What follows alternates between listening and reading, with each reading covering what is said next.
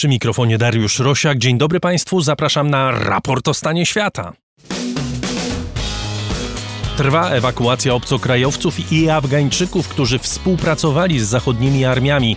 To, co dzieje się dziś w Afganistanie, to fiasko kilku dekad polityki amerykańskiej opartej na błędnej ideologii, mówi rozmówca raportu. Na czym polega błąd Amerykanów i dlaczego powtarzany był tak długo?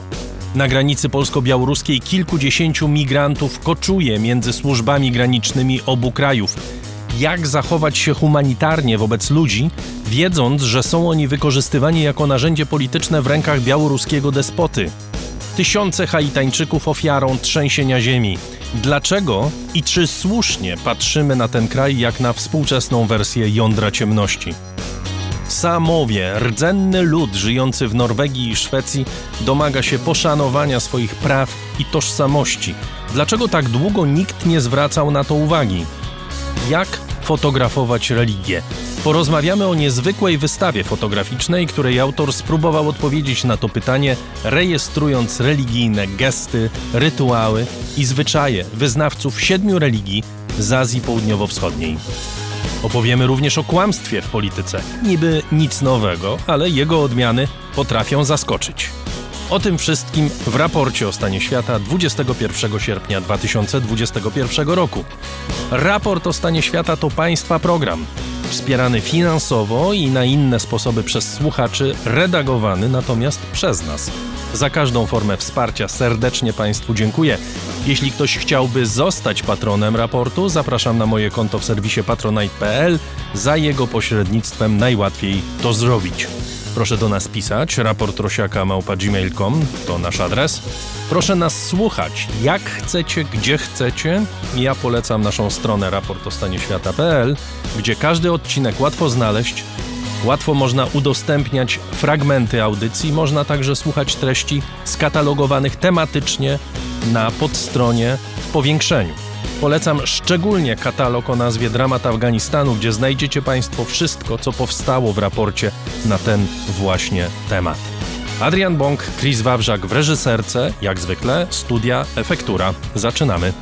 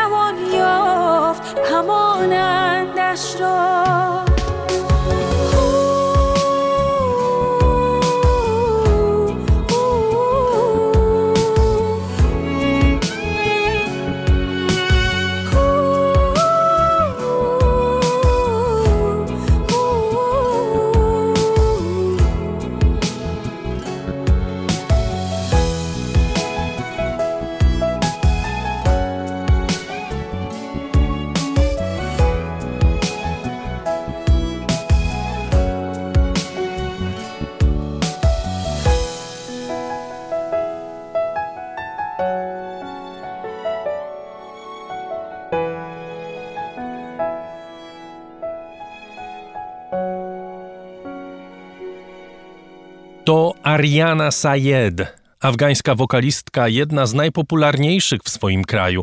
Przed kilkoma dniami udało jej się uciec z Afganistanu na pokładzie samolotu, podobnie jak tysiącom innych Afgańczyków. Ciągle trwa ewakuacja obcokrajowców i afgańskich współpracowników wojsk zachodnich armii z Kabulu. Poszczególne kraje wysyłają samoloty i organizują ewakuację. Na lotnisku sytuacja ciągle jest niestabilna. Docierają też doniesienia o pobiciach Afgańczyków próbujących przedostać się na płytę. Dokument ONZ mówi też, że talibowie rozpoczęli przeszukiwania domów w celu schwytania ludzi współpracujących wcześniej z państwami zachodnimi, wbrew wcześniejszym zapewnieniom, że nie zamierzają się mścić. Prezydent Ashraf Ghani, który uciekł z kraju, gdy zbliżała się ofensywa talibów, twierdzi, że zrobił to, by zapobiec rozlewowi krwi. Zapewnia też, że nie wywiózł publicznych pieniędzy z kraju, o co był oskarżany. Amerykański prezydent Joe Biden w dalszym ciągu broni decyzji nie tylko o wyprowadzeniu wojsk, ale też o formie, w której ta decyzja została zrealizowana w ostatnich dniach. Jest z nami dr Andrew Michta, dziekan College'u Studiów Międzynarodowych i Bezpieczeństwa w George Marshall European Center for Security Studies w Niemczech. Witam pana. Dzień dobry panu, dzień dobry państwu. W wywiadzie telewizyjnym prezydent Biden zapytany, czy popełnił jakieś błędy przy wyprowadzaniu wojsk amerykańskich z Afganistanu, odpowiedział nie. I potem rozwinął odpowiedź, mówiąc, że niemożliwe było uniknięcie chaosu w tej operacji, ale generalnie błędów nie było. Zgadza się pan?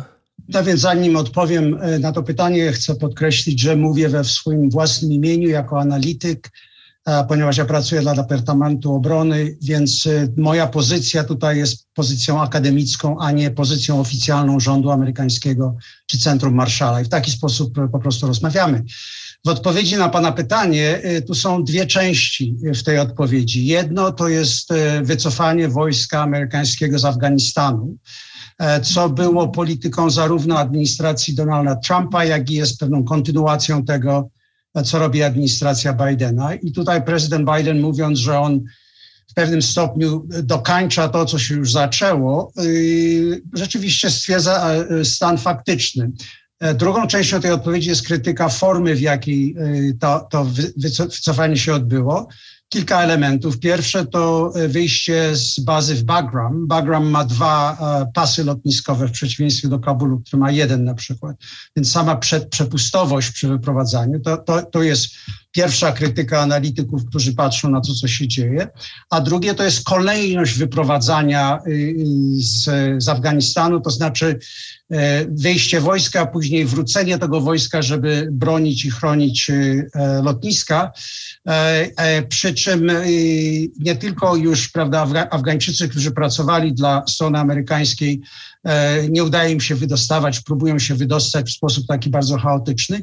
No i drugie to jest też trzeci element, to jest pozostawienie dużej ilości broni, którą, którą przejmą w tej chwili talibowie. Więc sam, samo pytanie polityczne, wyjście z Afganistanu jest w mojej ocenie rzecz, która powinna być zrobiona o wiele wcześniej. Natomiast sposób, w jaki to wyjście zostało przeprowadzone i ten chaos, który się wytworzył w międzyczasie, e, to w mojej ocenie należy na to spojrzeć krytycznie. Dodatkowo dzisiaj wychodzą na jaw informacje, że afgańscy współpracownicy Amerykanów zgłaszali chęć ucieczki z kraju od kilku miesięcy. I prezydent Biden oczywiście wiedział, że to musi nastąpić. Czy pańskim zdaniem to jest kwestia zawierzenia służbom, które mówiły: Mamy czas, bo armia afgańska będzie walczyć, nie musimy się tak spieszyć? Znaczy, ja myślę, że nikt nie spodziewał się tak szybkiej i tak chaotycznej e, e, sprawy e, w momencie, kiedy nastąp, zaczął następować ruch talibów w kierunku głównych miast. Oni najpierw przechwycili główne miasta, przed czym ruszyli w kierunku Kabulu. Przypomnę, prezydent Biden mówił wcześniej, że przecież wojsko afgańskie liczy około 300 tysięcy żołnierzy, jest bardzo dobrze wyposażone, ma, ma lotnictwo, ma ciężką broń i że upadek Kabulu to nie jest sprawa prawda, dni czy godzin, tylko że jest, że jest po prostu czas na ocenę sytuacji. E, w mojej ocenie było to po prostu nierozumienie stanu armii e, afgańskiej, e, znaczy oczekiwanie, że pozbawiona wsparcia ze strony żołnierzy amerykańskich. Myśmy początkowo planowali zostawić jakieś 2400-2500 żołnierzy w Afganistanie przy tym y, wycofywaniu się stamtąd, że bez tego wsparcia amerykańskiego, zarówno w sensie operacyjnym, w sensie siły ogniowej, lotnictwa, a również samej obecności na ziemi, że to podcięło już y, zdolności operacyjne wojska afgańskiego. Ja nie krytykowałbym tak zupełnie y, Afgańczyków tutaj. Ja byłem w 2013 roku w Afganistanie, między innymi E, w różnych bazach, e, w Helmand, w treningowych bazach, gdzie e, szkolili, szkoleni byli żołnierze, to w mojej ocenie to byli to ludzie, którzy po prostu niedostosowani byli w sensie tym, jaka jest ich tradycja kulturowa, do tego, w jaki sposób armia zachodnia się buduje i przygotowuje do operacji. To znaczy, myśmy nie do końca zrozumieli, że sposób, w jaki walczą talibowie, to jest ten sposób, który jest częścią tego całego otoczenia E, w tym kraju. I w sumie myśmy zaczęli budować armię taką trochę na, na modułę e, armii amerykańskiej, armii zachodniej, e, biorąc pod uwagę, że operujemy w państwie o, o bardzo niskim poziomie e, e, alfabetyzmu, literalności, prawda, i nie, nie, zdolności operowania skomplikowanych systemów zbrojeniowych. Ale tutaj nie chcę y, odmawiać odwagi żołnierzom afgańskich, bo wielokrotnie demonstrowali, że potrafili być bardzo bitni, jeśli chodziło o talibów. Mało tego, y, polscy żołnierze, również weterani z innych y, armii mówią o tym, że ci żołnierze byli dobrze wyszkoleni. To nie jest tak, że oni źle walczyli, czy nie potrafili y, stawiać oporu talibom, kiedy byli wspierani, nie wiem, przez Polaków, Brytyjczyków czy Amerykanów. To chyba nie do końca jest kwestia tego, że oni mają problem psychiczny, tylko coś musiało zdecydować o tym, że po prostu postanowili nie walczyć.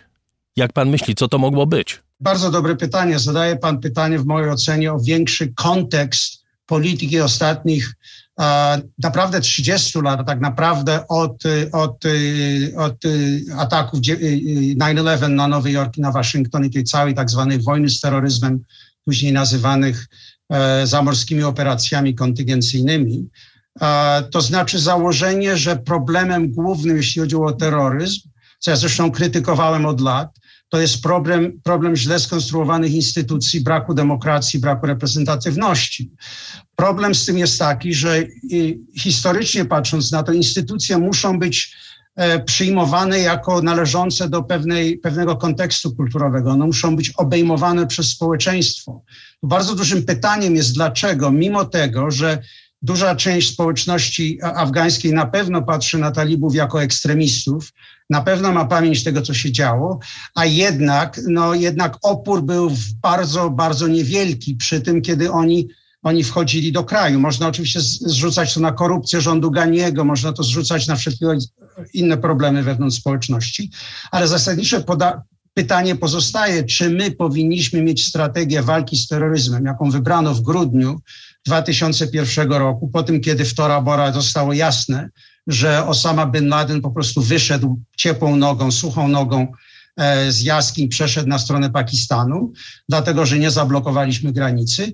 I wtedy zamiast wznowić, podwoić, potroić poszukiwania e, Al-Kaidy i Osamy bin Ladena, w mojej ocenie, myśmy przełożyli strategię na tak zwane nation building, budowanie instytucji, budowanie demokracji, czyli e, przestaliśmy się koncentrować na specyficznym celu, te, te, tego, że, że grupa terrorystów, morderców zamordowała 3000 Amerykanów, zniszczyła budynki w dwóch miastach, a zaczęliśmy wchodzić w takie teoretyczne, komprehensywne podejście do walki z terroryzmem.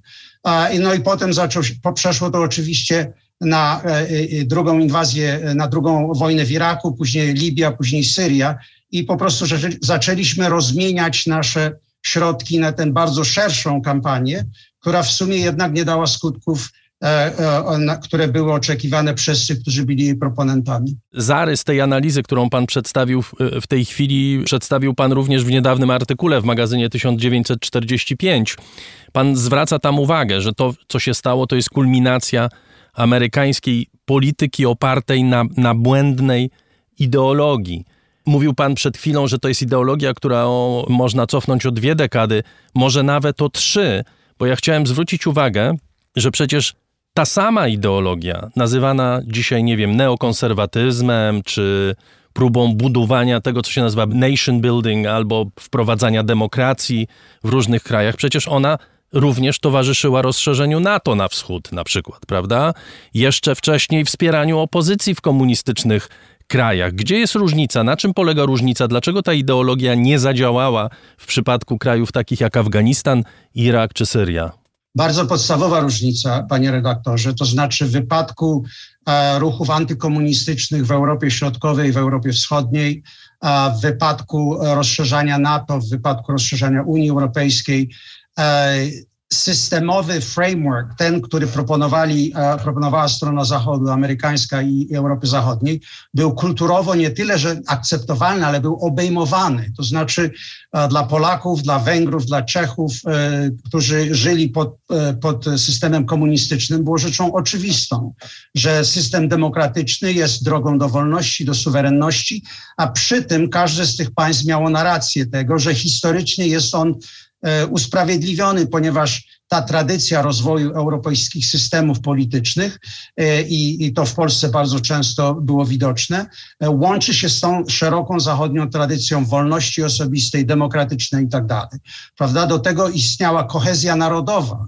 Proszę pamiętać, że system amerykański wytworzył się i zewoluował właśnie wtedy, kiedy ta ogólna kultura, mimo tego, że że Stany Zjednoczone składają się z grup etnicznych, rasowych, narodowościowych no, z całego świata, prawda? Ale jednak ten klej, który to wszystko trzymał, to jest klej kultury tej osadniczej z okresu brytyjskiego, z językiem, z prawem, e, z instytucjami i tradycjami postoświeceniowymi. Teraz przechodząc do takich krajów jak Irak czy jak Afganistan, mówimy o społeczności, które przede wszystkim nie są skonsolidowanymi narodami, to jest jedno.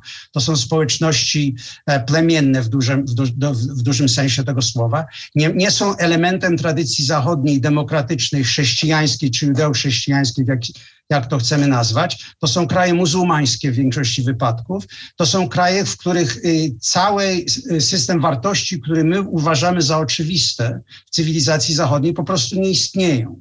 Prawda? I brakowało jeszcze jednej rzeczy, czyli tego, co ja nazywam imperatywem bezpieczeństwa bo oczywiście można powiedzieć, że na przykład Japonia też nigdy nie miała e, tej tradycji zachodniej, że tradycje demokratyczne w Niemczech e, były w miarę słabe w stosunku do, do imperialnej tradycji, czy to pruskiej, czy, czy habsburskiej i tak dalej. Ale zarówno w Japonii, jak i w Niemczech po II wojnie światowej, w Niemczech zachodnich, imperatyw bezpieczeństwa, czyli alternatywa tego, co było po drugiej stronie granicy, wystarczyło spojrzeć na to, co Sowieci robili w Niemczech wschodnich, co przekonywało Adenauera, na przykład, że on wybiera opcję transatlantycką z tego powodu, e, że alternatywa jakiejś neutralizowanej unifikacji to byłoby zniewolenie. W Japonii cesarz rzeka się stanu prawda, e, Bożego i nalega, żeby jego, jego naród współpracował z Amerykanami, którzy w tym okresie przetwarzają cały system społeczny i polityczny. Dodajemy do tego kilka generacji, które żyją w takim, w takim systemie politycznym i te instytucje, które są e, początkowo słabe, zostają internalizowane. Prawda? Żadna z tych rzeczy nie miała miejsca zarówno w, w Afganistanie, ani w Iraku, ani w, w Libii, ani, ani w Syrii.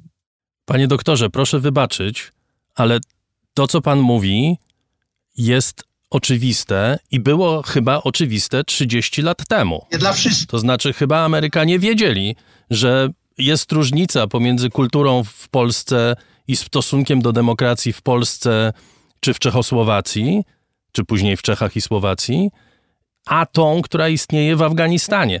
Dlaczego trzeba było pięciu prezydentów, którzy prowadzili wojnę w Afganistanie, siedmiu, jeśli cofniemy się do pierwszych interwencji w Iraku? Dlaczego 30 lat Amerykanom zabrało dojście do tego i w takim stylu dojście do tego, że to się jednak nie sprawdza? Odpowiedź uważam jest bardzo bolesna, a jednocześnie w miarę prosta. To znaczy, e, ja kiedyś napisałem taki artykuł, że najbardziej niebezpiecznym momentem dla wielkiego państwa jest moment totalnego zwycięstwa, osiągniętego na w percepcji jako sto- w stosunkowo niskiej cenie.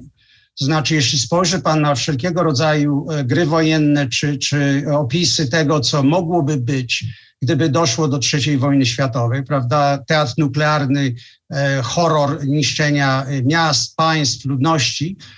Natomiast zimna wojna zakończyła się, jak, jak mówimy po angielsku, with a whimper instead of a bang, prawda? Czyli sowiecki blok zawalił się do środka, po prostu nie mógł w większości już konkurować.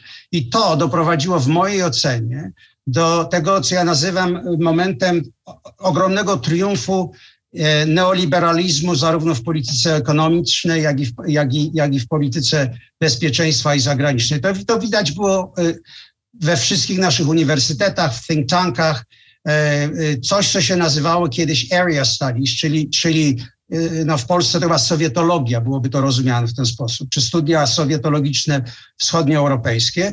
E, nasze uniwersytety produkowały ludzi, którzy mieli rzeczywiste zrozumienie tego, co działo się po e, drugiej stronie e, y, żelaznej kurtyny, mówili po rosyjsku, znali region, podróżowali tam, prawda? Czyli w momencie i, i większość ludzi, powiedzmy, z doktoratami y, z, z, w tego rodzaju studiach, nie zasilało uniwersytetów, ale wchodziło w rząd, agencje wywiadowcze, Pentagon, struktury kongresu i tak dalej. I ci ludzie, w momencie, kiedy dochodziłoby do jakiejś rozmowy na temat, nie wiem, że jeśli w Bułgarii zrobimy to, to wtedy, prawda, y, dojdzie do jakiejś jeffersońskiej demokracji i tak dalej, i tak dalej, tylko instytucje wystarczy, żeby były na miejscu, to ci ludzie byli w stanie powiedzieć, że kulturowe uwarunkowania, historia, są ogromnymi y, tutaj y, przeszkodami do tego rodzaju teoryzowania.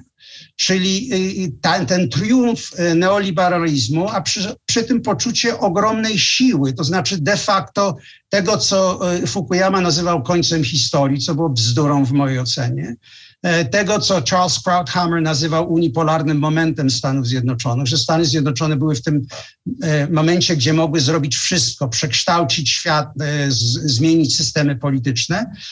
Do tego triumfu w mojej ocenie nie doszłoby, gdyby nie było tragedii 1, 11 września 2001 roku dlatego że ten, ta, ta neoliberalna hubrys schwyciła ten moment i wyartykowała y, naprawdę ten argument, że tak, że jeżeli stworzymy odpowiednie instytucje, kultura się podda, historia się podda. To jest bardzo neoliberalny argument, który dominował w dyskursie polityki amerykańskiej w Waszyngtonie.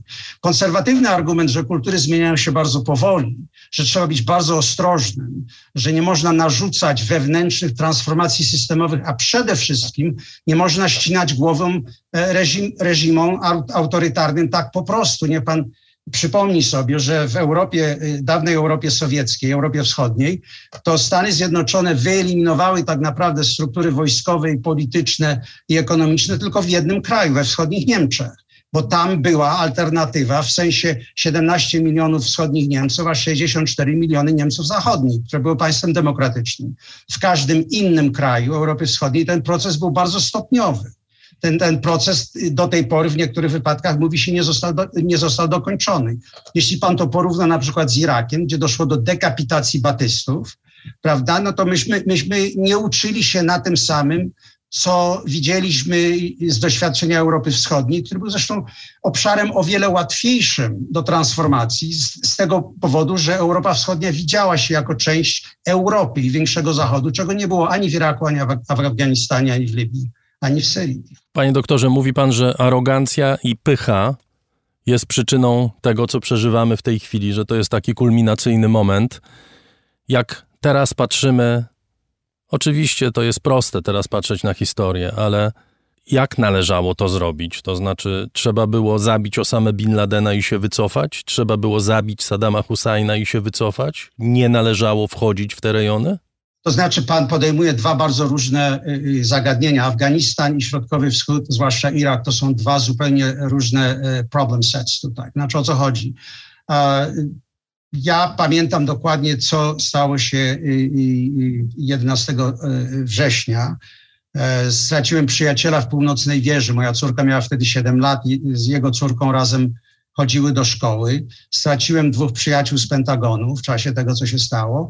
I e, całe nastawienie emocjonalne narodu amerykańskiego było bardzo oczywiste. To znaczy, było poczucie tego, że, że, że to, co się stało, było kryminalne, niedopuszczalne.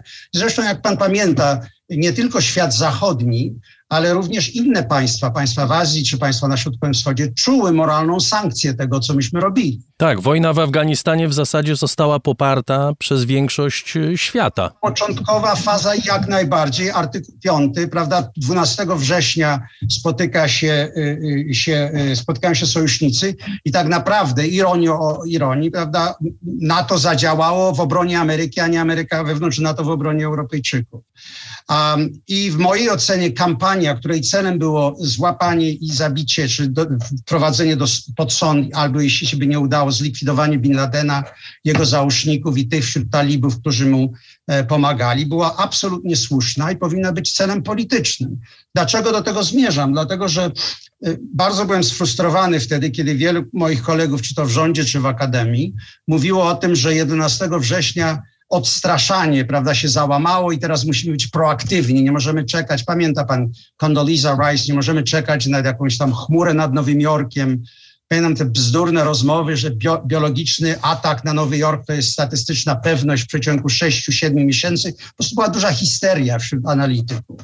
Natomiast to, co powinniśmy byli zrobić, ja uważam, to było schwytać albo e, zlikwidować Bin Ladena i jego kohortę, i to by, było, to by było odstraszanie, dlatego że message byłby bardzo prosty. Amerykanie popełnili błędy, może byli naiwni, może byli zdezorganizowani, ale w momencie, kiedy dopuszcza się takich kryminalnych czynów, to za to zapłacisz najwyższą cenę. To jest odstraszanie, to jest message, prawda?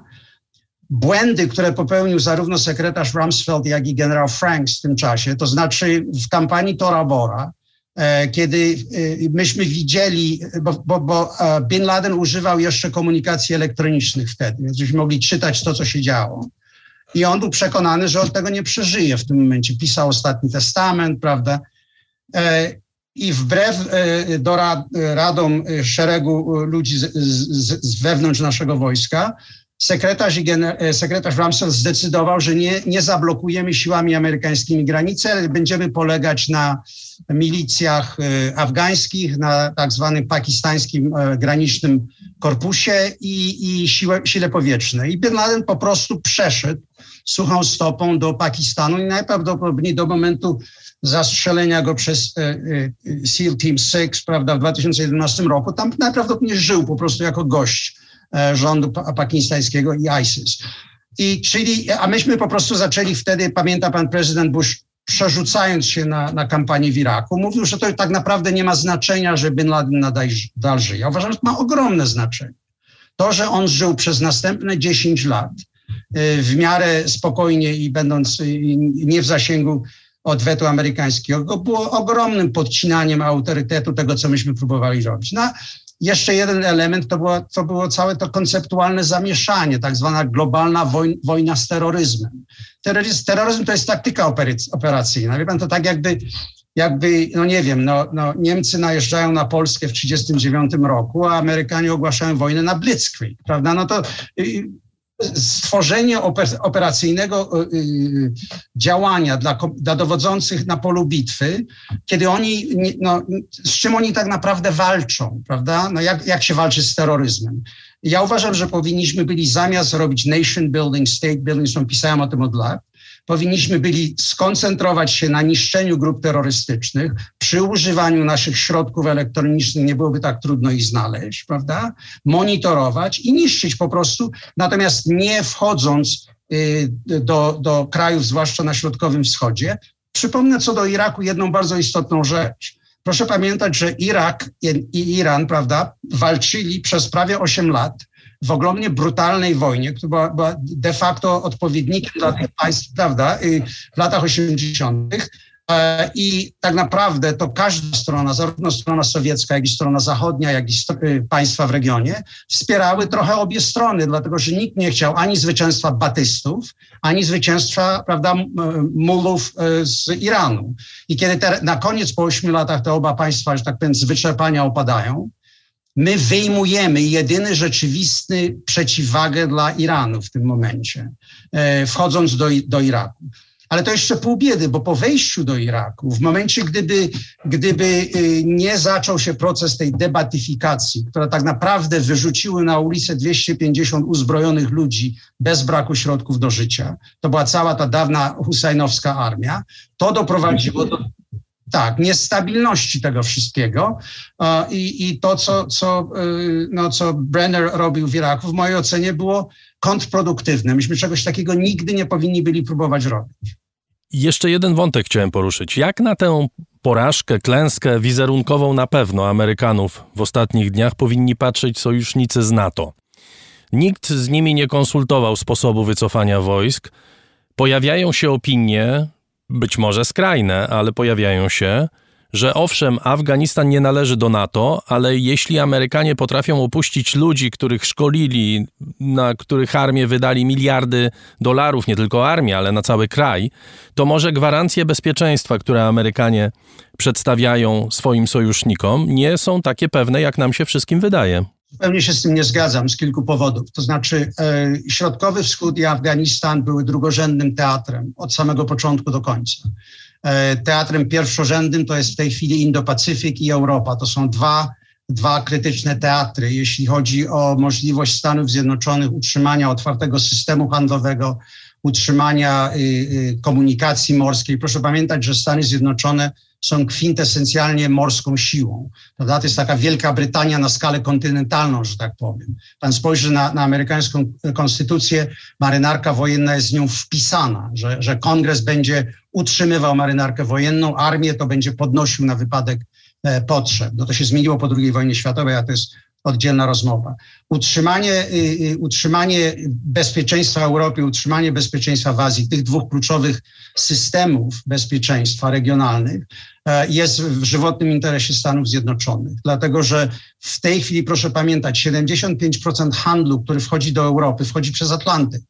E, flota amerykańska gwarantuje dojście, przepływ E, przepływ tych, tych wszystkich e, towarów i usług i, i, tego wszystkiego. To samo się dzieje zresztą na Pacyfiku. Chińczycy są teraz w trakcie budowania własnej floty, własnej zdolności wojskowych, a poza tym budują transkontynentalny taki łańcuch dostaw, to jest ten Belt and Road prawda, Initiative przez, przez kontynent, ale Europa pozostaje dla Stanów Zjednoczonych taką witalną bramą wchodzenia do Eurazji, do, do, do krytycznego kontynentu e, dla stabilności globalnej. I to samo jest, to samo, chociaż nie traktatowo wsparte nie, tak jak jest NATO, ale na zasadzie bilateralnych y, sojuszy i regionalnych powiązań ma pan system bezpieczeństwa w Azji. W tej chwili kluczowym elementem tam oczywiście będzie przyszłość Tajwanu. Natomiast w Europie Środkowej Polska jest kluczowym krajem flankowym. Polska jest w takim położeniu mniej więcej w tej chwili, jak były Niemcy w czasie zimnej wojny. Dlatego, że jest krajem flankowym vis-a-vis Rosji. Rosjanie chcą zrewidować postzimnowojenny system w mojej ocenie, jeśli chodzi przede wszystkim o Europę. Kluczowe państwa dla, dla Rosji to jest Białoruś i, i, Ukraina. Natomiast w Azji chcą rozmontować system tej, tej e, trojki czy kwadrygi, w zależności jak pan na to patrzy, to znaczy Japonia, e, Australia, Nowa Zelandia i Południowa Korea. Bardzo dziękuję. Dr Andrew Michta, dziekan Koledżu Studiów Międzynarodowych i Bezpieczeństwa w George Marshall European Center for Security Studies w Niemczech, był gościem raportu o stanie świata. Dziękuję panu bardzo. Dziękuję panu, dziękuję państwu.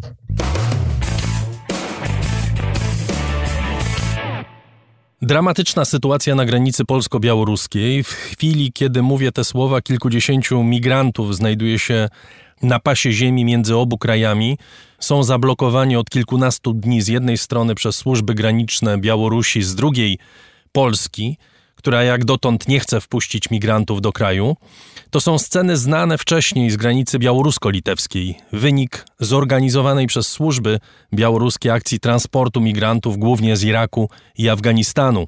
Jest z nami Dominik Wilczewski z portalu Przegląd Bałtycki, poświęconego właśnie krajom bałtyckim. Witam pana. Dzień dobry. Dzień dobry, kłaniam się. Proszę powiedzieć najpierw, jak wygląda sytuacja na granicy i może Cofając się do sytuacji, którą zna pan z autopsji, to znaczy widział pan to, co się działo na granicy y, białorusko-litewskiej przed y, kilku tygodniami.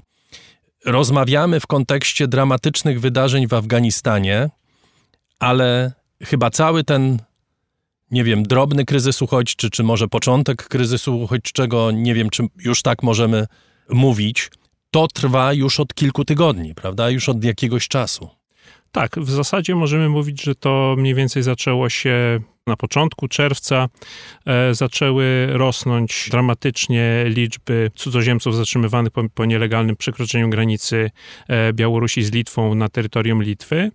W porównaniu z liczbami, jakie były w poprzednich latach, to był bardzo nagły wzrost w roku 2020-2019 i wcześniej rocznie na Litwie zatrzymywano e, po kilkadziesiąt, maksymalnie sto kilkadziesiąt osób po nielegalnym przekroczeniu granicy a teraz y, w, latem, w tych ostatnich letnich miesiącach y, kilkadziesiąt, sto kilkadziesiąt osób zatrzymywano każdej doby. E, I wywołało to na Litwie wśród władz litewskich y, już na samym początku podejrzenie, że nie jest to naturalna żadna fala migracyjna, że to nie jest, nie jest po prostu powodowane tym, że ludzie chcą e, dostać się na Litwę, tylko jest, jest to e, organizowane przez białoruskie służby. Czy my wiemy, kim są ci ludzie, skąd oni pochodzą? Przynajmniej y, na podstawie tych statystyk, które do tej pory podawały y, służby litewskie, to mamy już ponad 4 tysiące zatrzymanych y, i z tego ponad 2 tysiące to są, deklarowali się przynajmniej jako obywatele Iraku. No problem z tutaj z identyfikacją wszystkich osób jest taki, że nie wszyscy mają dokumenty podróży, bo niektórym podobno te dokumenty są odbierane już na Białorusi, niektórzy te dokumenty celowo wyrzucają, ale w każdym razie większość zdecydowanie zdecydowana większość to są Irakijczycy, a jeśli chodzi o pochodzenie etniczne czy wyznaniowe, to jest tam też dosyć spora grupa Kurdów i Jezydów. To jest bardzo ciekawe, bo w północnym Iraku, zwłaszcza y, w tej części kurdyjskiej Iraku, nie ma prześladowań. To znaczy ani Jazydzi, ani ktokolwiek nie jest prześladowany ze względów politycznych czy religijnych. To się po prostu nie dzieje. Więc należy założyć, że to są migranci ekonomiczni, albo może jeszcze ktoś inny. Z takiego założenia wychodzą e, przedstawiciele e, władz litewskich. Również śledztwa dziennikarskie, które już były przeprowadzone e, przez i dziennikarzy litewskich we współpracy z dziennikarzami białoruskimi, ale także z dziennikarzami na miejscu w Kurdystanie, w Iraku, wynikało z nich, że to rzeczywiście jest w dużej części, e, są to ludzie, którzy zostali w jakiś sposób zachęceni do tego, że no, zapłacą e, czy tysiąc euro, czy kilka tysięcy euro, te kwoty w różnych materiałach są różne są podawane, wykupią coś w rodzaju wycieczki, czyli działające na terenie Iraku biuro turystyczne zapewnia pośrednictwo w uzyskaniu wizy białoruskiej, w zakupie biletu i dzięki temu mogą się dostać na Białoruś, a stamtąd już mogą się dostać na Litwę. Czy my wiemy, na czym dokładnie polega ta akcja? Bo mówi pan o pewnym systemie, jak rozumiem, który funkcjonuje i jeszcze, żebyśmy mieli jasność. Ja rozumiem, że my mówimy przede wszystkim o tej części litewskiej, ale to, co dzieje się w tej chwili na granicy polsko-białoruskiej, to jest mniej więcej część tego samego systemu, prawda? Najprawdopodobniej. I jak to się działo? To znaczy pojawia się takie biuro, które mówi, słuchajcie, po zapłaceniu tej sumy dostajecie wizę białoruską, i co? Ci ludzie potem przyjeżdżają i są przewożeni na granicę i wypychani na granicę litewską czy polską? W ostatnich y, dniach to wypychanie było widać y, no, w sensie jak najbardziej fizycznym, no ale jeszcze cofnijmy się o te, te, te kilka tygodni. O tym, że w ten proceder, y, bo tak to chyba można też nazywać, były zaangażowane białoruskie instytucje czy białoruskie służby. Świadczą teraz materiały, które są publikowane między innymi w ostatnim czasie było opublikowane przez e, Dossier Center związane z Michałem Chodorkowskim wspólnie z Der Spiegel. W tych materiałach były przedstawione rzekome dokumenty, które, umowa, która została zawarta między tymi właśnie pośrednikami już, już w Iraku, a e, firmą, która się nazywa Centr Kurort, który jest e, instytucją państwową na Białorusi. To jest białoruski turoperator, który działa w strukturach administracji prezydenta Białorusi. Do tego jeszcze możemy dopisać kolejne epizody świadczące o tym udziale służb białoruskich. Mamy nagrania Frontexu, które pokazuje, że y, migranci są dowożeni radiowozami czy samochodami patrolowymi Białoruskiej Straży Granicznej. E, mamy materiał przygotowany przez taką inicjatywę, która się nazywa y, BIPOL. To są y, byli funkcjonariusze białoruskich służb, którzy może nie tyle przeszli na stronę opozycyjną, to co, co, co wypowiedzieli posłuszeństwo Łukaszence. Tam z kolei w ich materiałach jest sugestia, że to jest proceder, który w ogóle trwał, e, operacja specjalna, która trwała już od kilku lat, od 2010-2012 e, roku, tylko wtedy nie była organizowana na taką skalę. E, natomiast w tym czasie ta operacja się nasiliła w związku z napięciami politycznymi pomiędzy Białorusią i Litwą. Też widać, widać zaangażowanie służb białoruskich, że te osoby są migranci, ci cudzoziemcy trafiają na Białoruś, tam są odbierani przez teoretycznie przedstawicieli właśnie tej firmy turystycznej, trafiają do hoteli, po, po, po kilku dniach z tych hoteli są e, zawożeni na, na granicę i tam na granicy, czy to funkcjonariusze z straży, Białoruskiej Straży Granicznej, czy jakieś inne osoby kierują ich, pokazują w którą stronę mają iść. Ostatnio mamy, widzimy nagrania też służb litewskich pokazujące, że po, po, drugiej stronie, po stronie białoruskiej stoi szpaler funkcjonariuszy w, uzbrojonych w pałki, tarcze, którzy nie pozwalają ty, ty, tym osobom cofnąć się z, z powrotem na teren, teren Białorusi. No znamy te nagrania także z granicy polsko-białoruskiej, prawda? Tu też są dwa kordony sił porządkowych, jeden po stronie białoruskiej, drugi po stronie polskiej. Ta sytuacja jest rzeczywiście dramatyczna, bardzo trudna. Bo z jednej strony jest to oczywista, już chyba nikt nie może mieć wątpliwości, prowokacja Łukaszenki. Z drugiej, no trudno ignorować dramatyczny los tych ludzi, prawda? W przypadku tych osób przebywających na granicy polsko-białoruskiej to już jest kilka dni, kiedy oni pozostają właściwie bez środków do życia, bez żadnej możliwości ruchu. I tutaj polski rząd, y, premier Polski mówi, że współczuje tym uchodźcom, ale zwraca uwagę, że oni są po prostu politycznym instrumentem, narzędziem w ręku reżimu e, e, Łukaszenki. Podobnie zresztą, w podobnym tonie wypowiada się rzecznik Unii Europejskiej. Na to też chyba warto zwrócić uwagę, że on mówi wyraźnie, e, że ta sytuacja pokazuje, że reżim Łukaszenki nie zna granic w wykorzystywaniu ludzkiego cierpienia. Tutaj postawa tych państw granicznych, Litwy, Polski i Brukseli jest y, wspólna w tej chwili, do tej pory? Wszystko na to wskazuje i to jest też różnica między tym, z czym mieliśmy do, do czynienia przed sześcioma laty, a, a tym, co mamy teraz. Też widziałem komentarze w mediach, gdzie porównywano to, co robi na przykład Litwa z tym, co robiły w przeszłości Węgry i dlaczego Węgry za wypychanie migrantów były krytykowane, a dziś, dziś Litwa nie jest za to krytykowana. I faktycznie, jeśli się porówna te sytuacje, to wówczas Węgry działały unilateralnie, jednostronnie, a podejście tego twardego jądra Unii, przede wszystkim Niemiec, było zupełnie inne. E, natomiast... No przede wszystkim oba kraje zaczynają budować zasieki na swojej granicy. Litwa już częściowo tak zbudowała, tak Polska zbudowała 100 kilometrów na, na 150 kilometrów granicy z Białorusią. Prawdopodobnie jak e, ktoś będzie słuchał naszego podcastu za kilka dni po tym, jak go nagrywamy, to pewnie już ten cały płot powstanie.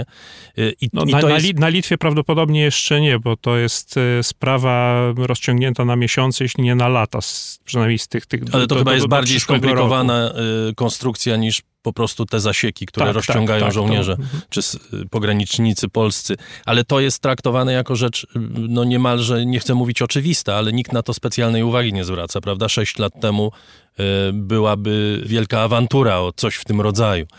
No właśnie, co to oznacza? Że Unia Europejska przyjęła inną i przyjmie inną strategię w obecnej sytuacji, jeżeli, co nie daj Boże, ale niestety może się to okazać rzeczą, której nie da się uniknąć, czyli jeżeli nastąpi kolejna fala migracji, tym razem z Afganistanu. Tutaj ja bym zwrócił na przykład na taką rzecz uwagę, że decyzja władz litewskich, aby migrantów zawracać, kierować w stronę Białorusi, która jest też na sam, również na Litwie była krytykowana przez organizacje pozarządowe, ekspertów e, od praw człowieka, ona zapadła tuż po tym, gdy Wilno odwiedziła Ilva Johansson, komisarz Unii Europejskiej do spraw wewnętrznych, czyli jest to dosyć oczywiste, że wydaje się dosyć oczywiste, że ta e, praktyka, którą zresztą potem powieliła Łotwa i teraz najprawdopodobniej będzie stosować również Polska, czy już stosuje Polska, że te decyzje zapadły po otrzymaniu zielonego światła z Brukseli. Więc wydaje się, że po prostu padają takie stwierdzenia, że Europa wyciągnęła wnioski z kryzysu uchodźczego w roku 2015.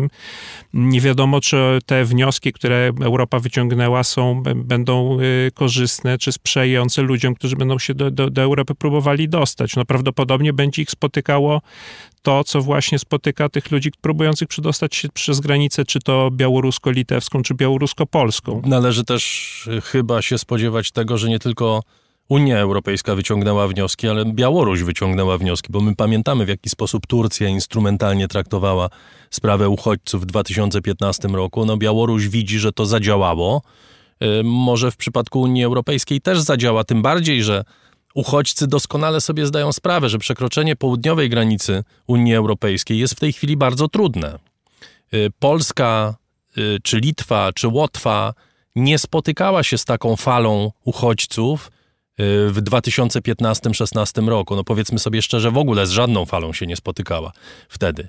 Być może ci uchodźcy będą próbowali przedostać się kanałem, który wydaje im się łatwiejszy do sforsowania. Tak to się może y, w tym momencie wydawać. Oczywiście są pewne utrudnienia, bo też y, logistycznie to się może wydawać trudniejsze, bo jednak y, no w szczególności Łotwa, Litwa również leży na, na, na kompletnym uboczu takich głównych szlaków migracyjnych w stronę Unii Europejskiej. No jak ktoś się dostanie na Łotwę, no to już potem z Łotwy dostać się do Niemiec jest trudniej, tak mi się przynajmniej wydaje. No i też trzeba brać pod uwagę warunki atmosferyczne, pogodowe, jednak y, dla osób z Bliskiego Wschodu y, warunki, które napotykają na, na, tej, na tej południowej trasie, pomijając oczywiście no, wyprawę przez Morze Śródziemne, ale mogą się wydawać łatwiejsze niż, niż trudna, niekorzystna zima na Litwie czy na Białorusi. Jak można z tej sytuacji wybrnąć? Czy widzi pan jakiś no nie wiem czy prosty, prostego sposobu nie ma, ale taki sposób, który przynajmniej gwarantuje pójście odrobinę do przodu. Mamy w tej chwili kilkadziesiąt osób. Czy to rzeczywiście nie jest tak, że łatwiej byłoby po prostu te osoby przyjąć, potraktować ich jako aplikantów, jako ludzi, którzy zgłaszają się po ochronę. Polska ma prawny obowiązek zapewnić im ochronę, a równocześnie umocnić granice, aby przeciwdziałać temu, żeby mm, ci ludzie przyszli ewentualnie migranci, byli wykorzystywani przez Białoruś. Takie rozwiązanie rzeczywiście wydaje się w tym momencie najrozsądniejsze.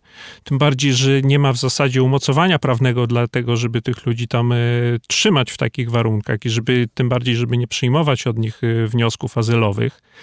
W pewnym sensie to, co Litwa robi, to przynosi pewne rezultaty, bo to jest przykład takiego działania na różnych, może nie tyle frontach, bo też może nie powinniśmy wchodzić za bardzo w taką y, narrację wojenną, jeśli chodzi o ten kryzys, ale na różnych odcinkach, y, czyli po pierwsze to jest właśnie ta decyzja, żeby migrantów zawracać na Białoruś, ale pozostawiając im przynajmniej formalnie, w praktyce to różnie wygląda, ale formalnie tą furtkę, że mogą składać wnioski azylowe na przykład na przejściu granicznym. Druga rzecz to jest y, przeniesienie tego problemu na poziom unijny, uwspólnotowienie go. Trzecia sprawa, w którą się Litwa y, zaangażowała już jakiś czas temu w trakcie trwania tego kryzysu, to były e, negocjacje z krajami czy pochodzenia, czy z krajami za pośrednictwem których y, migranci dostawali się na Białoruś, to głównie Turcja i Irak. Oczywiście to znowu ustawia Turcję na przykład w roli tego bramkarza, który będzie decydował o tym, kto będzie wpuszczony do Europy czy nie, ale z drugiej strony mamy przykład Iraku, gdzie była decyzja o zawieszeniu lotów y, z, y, z Iraku do, do Mińska, więc to przy, zaczyna przynosić już jakieś rezultaty. Bardzo dziękuję. Dominik Wilczewski z portalu Przegląd Bałtycki był gościem raportu o stanie świata. Dziękuję, kłaniam się.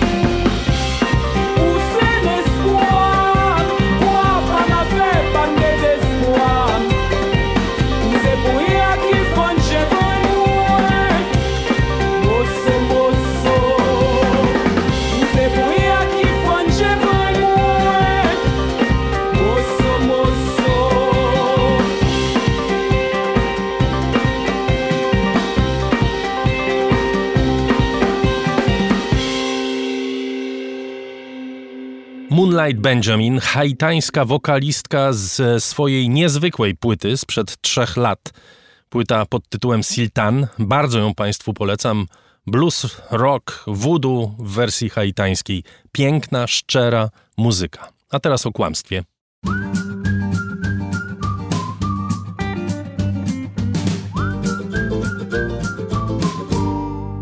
Świat z boku i Grzegorz Dobiecki, na co dzień głównoprowadzący programu Dzień na świecie w telewizji Polsat, dziś o kłamstwie polityków.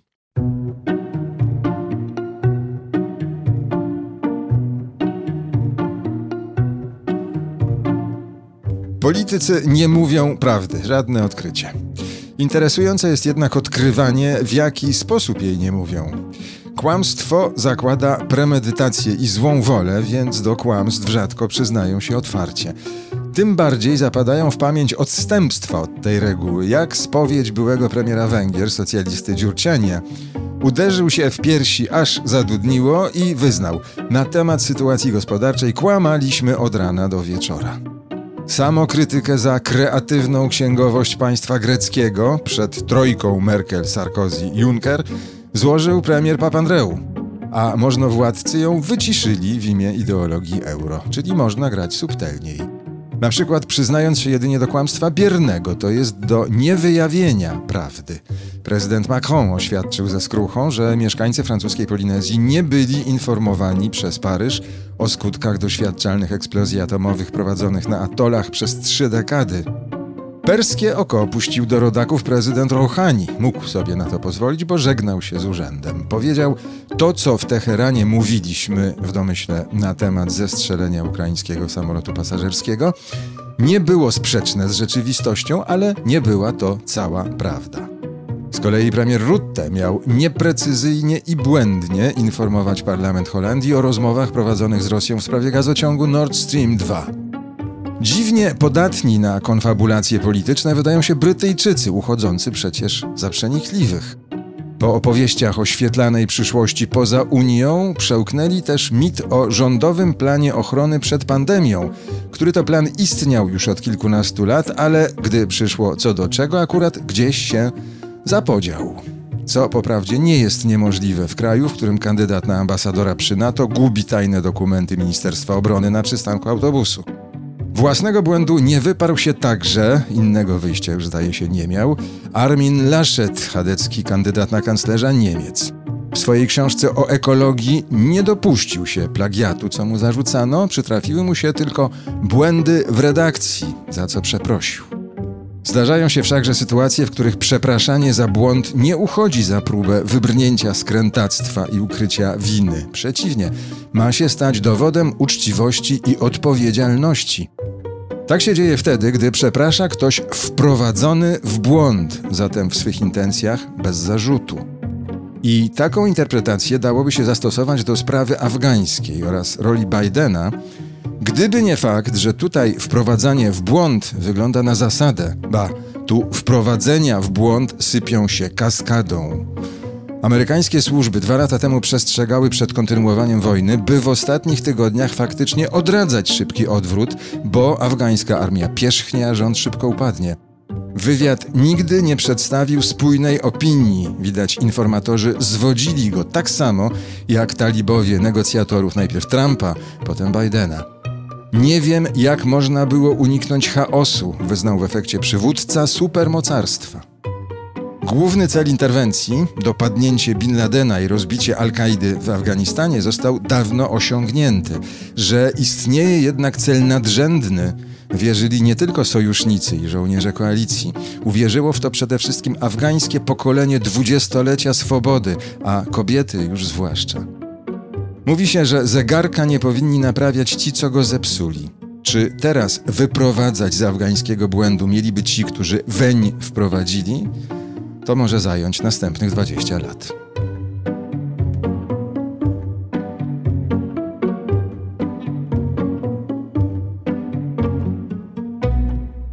Raport o stanie świata to program, który bez państwa wsparcia nie istniałby. Chodzi nie tylko o wsparcie finansowe. Jestem niezwykle wdzięczny za podziękowania i inne ciepłe słowa, które towarzyszyły dwóm ostatnim naszym programom: specjalnemu wydaniu raportu o sytuacji w Afganistanie i wyjazdowemu raportowi o książkach z Budy Ruskiej na Suwalszczyźnie, który poprowadziła Agata Kasprolewicz. Dziękuję bardzo. Zachęcam do słuchania nie tylko tych dwóch, ale wszystkich naszych raportów. I cieszę się, że jesteście Państwo z nami.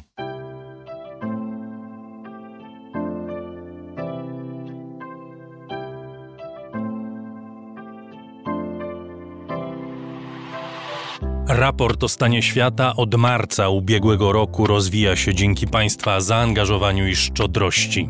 To dzięki Wam możemy opowiadać o świecie przy pomocy dźwięków. Dzięki Wam ten program jest przygotowywany w profesjonalny sposób z zachowaniem najwyższej jakości, bo na nią właśnie zasługują słuchacze raportu o stanie świata.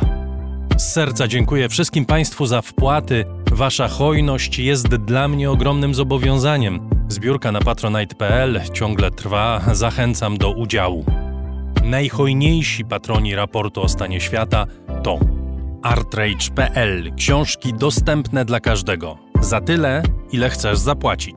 Bierz i czytaj. Hotel Bania Termal i Ski w Białce Tatrzańskiej, oferujący rodzinne wakacje z dostępem do term. Firma doradcza Crido Kantory Kanga, sieć stacjonarnych kantorów kryptowalutowych w Twoim mieście.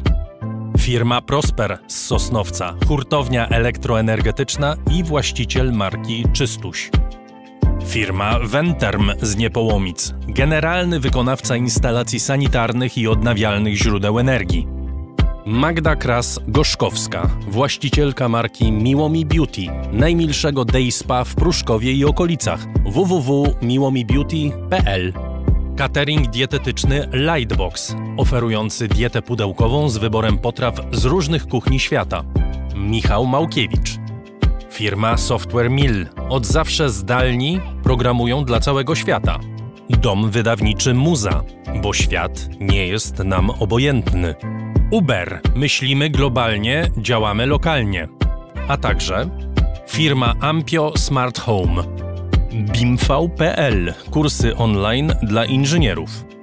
CIO Net and Digital Excellence. Łączymy ludzi i idee. Grupa brokerska CRB. Ubezpieczenie należności dla Twojej firmy. Bezpłatne porównanie ofert www.grupacrb.pl. Mariusz Drużyński. Salony meblowe Faster, Zełku i Białego Stoku wspierają piękne wnętrza. Agata Fischer. Galmet. Polskie pompy ciepła. JMP. Z miłości do sportu, z najlepszych tkanin w sercu Podhala szyjemy dla Was porządną odzież. Palarnia kawy La Cafo z Augustowa. Gosia i Michał Kowalczewscy. Alan Meller. Aplikacja Moja Gazetka Polska proekologiczna aplikacja zakupowa z gazetkami promocyjnymi i nie tylko. Moja gazetka. Kupuj mądrze. Muzeum Kinematografii w Łodzi, organizator 31. Festiwalu Mediów Człowiek w Zagrożeniu. Paweł Nowy Nowak. Wydawnictwo SQN. Więcej niż książka. www.wsqn.pl Drukarnia cyfrowa totem.com.pl dla nas książka zasługuje na najwyższą jakość. Fundacja Wasowskich, opiekująca się spuścizną Jerzego Wasowskiego i wydawca książek Grzegorza Wasowskiego. Szczegóły na wasowscy.com. Dziękuję bardzo. To dzięki Państwu mamy raport o stanie świata.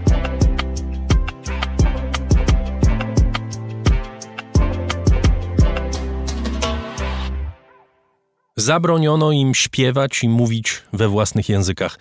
Nie mogli używać tradycyjnych bębnów ani nakrycia głowy, w którym, jak wierzono, miał mieszkać diabeł. Samowie, jeden z najmniej znanych ludów Europy. Zamieszkują tereny północnej Norwegii, Szwecji, Finlandii i Rosji, a dokładniej Półwyspu Kolskiego. Mówiliśmy niedawno w raporcie o tragicznym losie kanadyjskich Indian, Tymczasem podobne procesy asymilacyjne dotyczyły także ludzi nazywanych u nas Lapończykami. Samowie nie akceptują tego określenia, bo słowo lamp oznacza szmatę albo przyszywaną łatę. Dlatego wolą sformułowanie sam, czyli ci ludzie. Odwiedziła ich Anna Dudzińska.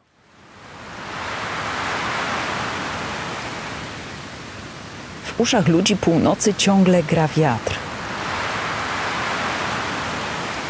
Na uszach ludzi z północy robiono znaki. Małe nacięcia, by innego rozpoznać można było już z daleka. Uszy ludzi północy znakowano tak, jak oni znakowali renifery, których hodowla była ich głównym zajęciem. Myślę, że ludzie traktowali to jak zabawę. To była kwintesencja prześladowania. Gdy znakuje się tak renifery, to tak jakby się mówiło, to moje zwierzę, należy do mnie, do mojej rodziny. Ellen Madia Raka Pedersen jest samką. Jej pradziadowie przenieśli się z północy dzisiejszej Szwecji, gdzie hodowali renifery nad Tysfjord do dzisiejszej Norwegii. Ellen jest samką. To o nich, o samach, będzie dzisiejsza opowieść. Samowie to były ludy, które tak naprawdę żyli z chowu zwierząt, czyli głównie z chowu reniferów, także oni prowadzili taki koczowniczy tryb życia. I byli też samowie, którzy żyli na wybrzeżu i żyli z rybołówstwa. Małgorzata Dworzakowa mieszka na północy Norwegii już od 10 lat. Spotykam ją w urzędzie okręgu Nordland. Tuż obok jej gabinetu jest pokój kolegi. Na drzwiach flaga samów. Czerwono-niebieskie koło na niebieskim, zielonym, żółtym i czerwonym tle. Norweg, który ten symbol na drzwiach przykleił, zajmuje się wspieraniem ludności rdzennej. Tymczasem ich flaga powstała dopiero w 1986 roku i fakt, że stało się to tak późno, nie jest bez znaczenia dla tej opowieści. Kiedyś, gdy polityka asymilacyjna rozhulała się na dobre, nie mogło być ani flagi, ani wsparcia dla samów na przełomie XIX-XX wieku, wtedy, kiedy Norwegia miała problem z własną tożsamością. Oni bardzo chcieli mieć swoją taką silną tożsamość, nie wiedzieli, kim tak naprawdę są Norwegowie i mieli ogromną potrzebę zidentyfikowania siebie jako odrębny naród. Byli bardzo długo w Unii z Danią i w Unii ze Szwecją i oni potrzebowali zidentyfikować samych siebie. Dlatego narzucili pewne normy, kim jest prawdziwy Norweg. No i oczywiście samowie nie pasowali do ich wizerunku wyglądali zupełnie inaczej posługiwali się innymi językami, e, mieli inne stroje, mieli swoją religię, mieli swoje wierzenia, mieli swój e, jojk, taki rytmiczny śpiew. I oni w tym momencie zostali tak jakby przeszli przez takie bardzo silne procesy asymilacyjne, bo musieli się oczywiście podporządkować, musieli być takim typowym Norwegiem. Ellen z Nadtysfjordu, której rodzice nie mogli mówić ani słowa po samsku, nazywa rzecz po imieniu you can say it was uh, basically just to do ethical cleansing. Można powiedzieć, że to były czystki etniczne. Chodziło o to, by w Szwecji mieszkali tylko Szwedzi, a w Norwegii tylko Norwegowie. W takiej definicji nie było miejsca dla samów. W Szwecji podzielono ich na dwie grupy: tych, którzy mają zajmować się reniferami, i pozostałych, których należy wynarodowić. W Norwegii dzieci wysyłano do szkół prowadzonych też przez Kościół protestancki. Dzieci zaczęły być segregowane, zaczęły być odbierane rodzinom, bo oczywiście nie mogły prowadzić koczowniczego trybu życia, tak jak prowadzili go do tej pory, więc dzieci zostały zabrane do internatów, gdzie tak naprawdę musieli się uczyć mówić po norwesku i musieli zapomnieć o swoich tradycjach, nie mieli prawa mówić e, w swoich językach, a oczywiście nikt wtedy też nie rozumiał samskiego języka, więc praktycznie tam nie było żadnej komunikacji. Dzieci były mobowane, były wyśmiewane, były gnębione. Często też dochodziło do tego, że takie dziecko też popełniało samobójstwo, no bo jednak zostało totalnie oderwane ze swojej rodziny, ze swojego miejsca, w którym zostało wychowane i zabrane do zupełnie innego świata, w którym się tak naprawdę nie odnajdywało. Mieli zakazane właśnie jojkować a jojkowanie było dla samów bardzo ważne. Jojkowanie to dla samów coś więcej niż śpiew. To powracająca fraza, która wyraża tożsamość osoby, zwierzęcia, miejsca, wszystko bez wyraźnego początku i końca. Radiowy program Sami, norweskiego publicznego nadawcy NRK, emituje dzisiaj jojki i wiadomości w języku Sami. Tak pewnie by się nie zdarzyło, gdyby nie ciągłe protesty. Symbolem walki o język i lepsze traktowanie rdzennej ludności stała się piosenkarka Mai Bojne, która najpierw wyrzekła się swojej kultury, by potem stać się jej największym ambasadorem. W 1994 roku Mari Bojne, protestując przeciwko polityce norweskiego rządu wobec Samów, odmówiła występu na ceremonii otwarcia Igrzysk Zimowych w Lillehammer.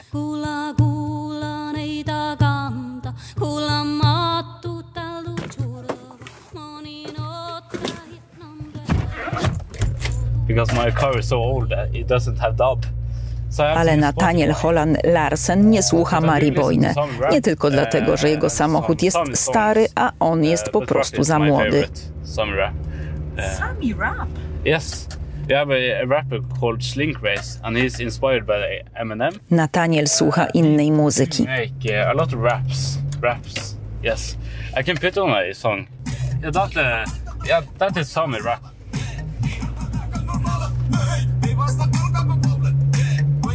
To, co samski rap łączy z jojkowaniem, to oczywiście język.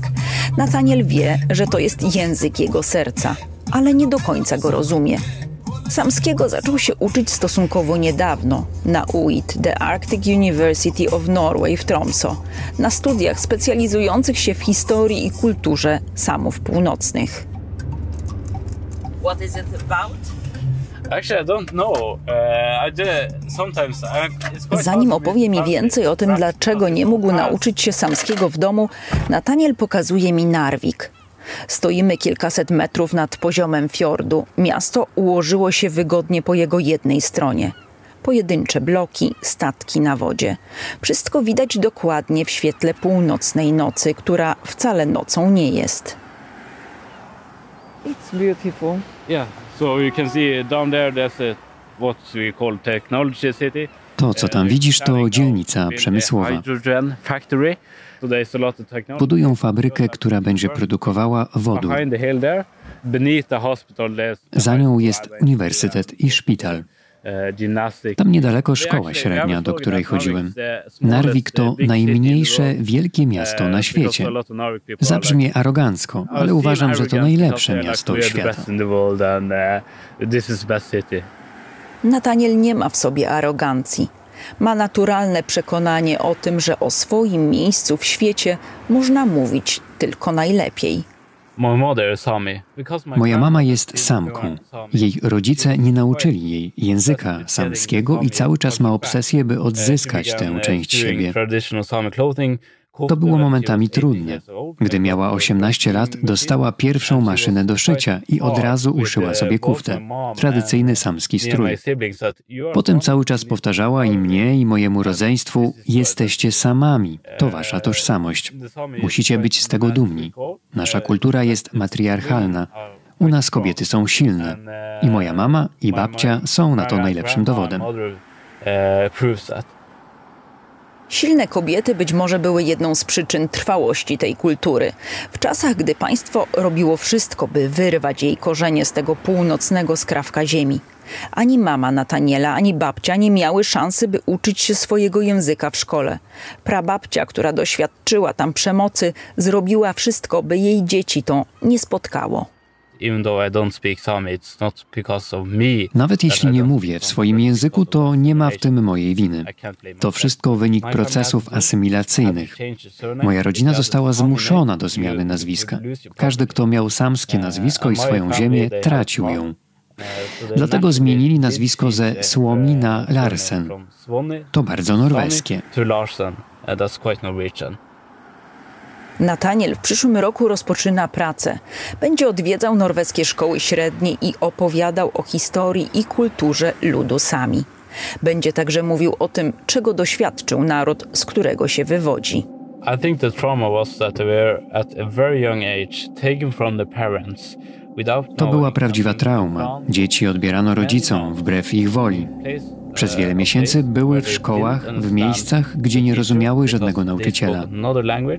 On mówił w innym języku i nie mógł zrozumieć dzieci. Za każde wypowiedziane samskie słowo były bite. To traumatyzujące. Gdy trafiały do szkoły, były rozbierane, robiono im zdjęcia, mierzono je, tłumacząc to względami naukowymi i odbierano strój, w jakim przyjechały. Potem dostawały norweskie ubrania. To kolejna trauma. Wielu samów nie wie, gdzie znajdują się groby ich ojców, bo ciała zmarłych w latach 60. i 70. były zabierane przez uniwersytety. Mierzono je, badano czaszki. Do dzisiaj wiele rodzin nie odzyskało kości swoich przodków. Sformułowanie do dzisiaj brzmi wręcz niewiarygodnie, ale to prawda. Wprawdzie właśnie dzisiaj samowie nie są prześladowani. Nataniel spokojnie może studiować historię swojego narodu i uczyć się swojego języka, jednak nadal nie rozliczono zbrodni z przeszłości. Żeby sprawdzić, kiedy powstała komisja badająca procesy asymilacyjne, musimy poszukać w internecie. I don't remember the year. I can search on it on the internet.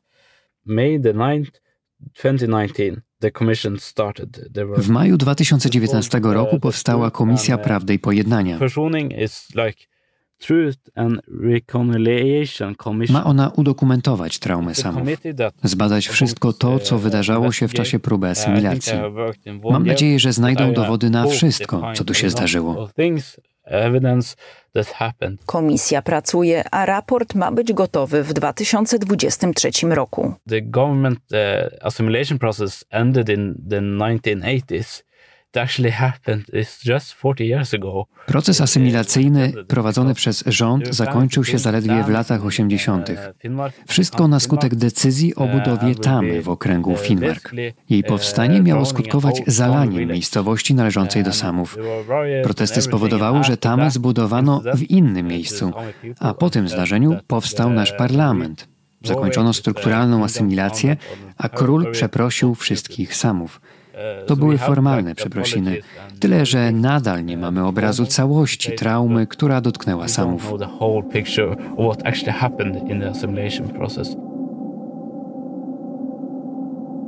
Polka Małgorzata Dworzakowa uważa jednak, że nadal muszą być prowadzone działania, które nawet młodemu pokoleniu pomogą tę traumę pokonać. Tak jak niedawno, gdy w czasie święta narodowego połączono młodych samów na jednej platformie internetowej. Samowie ze wszystkich właśnie tych czterech krajów mogli używać tego Snapchatu do tego, żeby pokazywali, jak wygląda na przykład dzień takiej Laponki, która mieszka na północy, na Półwyspie Kolskim, albo w północnej Szwecji, albo Finlandii.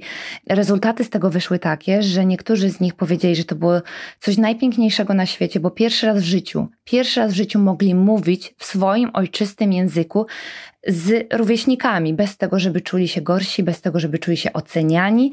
To pokazało, że tak naprawdę jest dużo rzeczy, które można jeszcze polepszyć.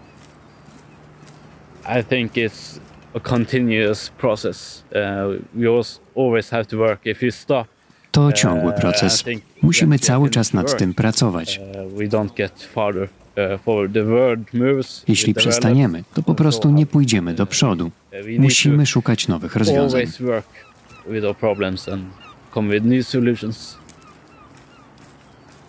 Gdy patrzymy z pewnej wysokości na Narwik, wszystko wydaje się takie oczywiste.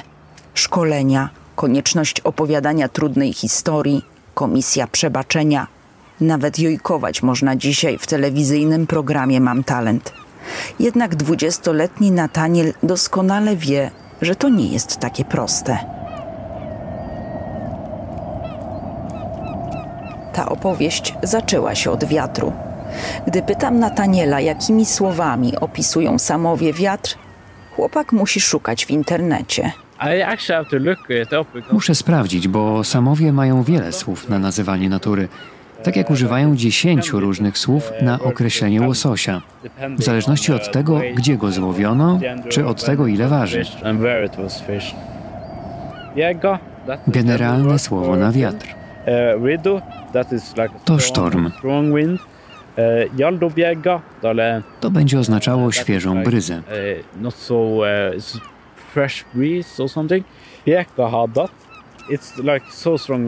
To określenie na silny wiatr, który może cię powalić. Lubisz wiatr? Lubię bryzę w gorące dni. A jakie piękne to niebo tutaj. To prawda. Mieszkam tu całe życie i każdego dnia myślę, jak tu jest pięknie.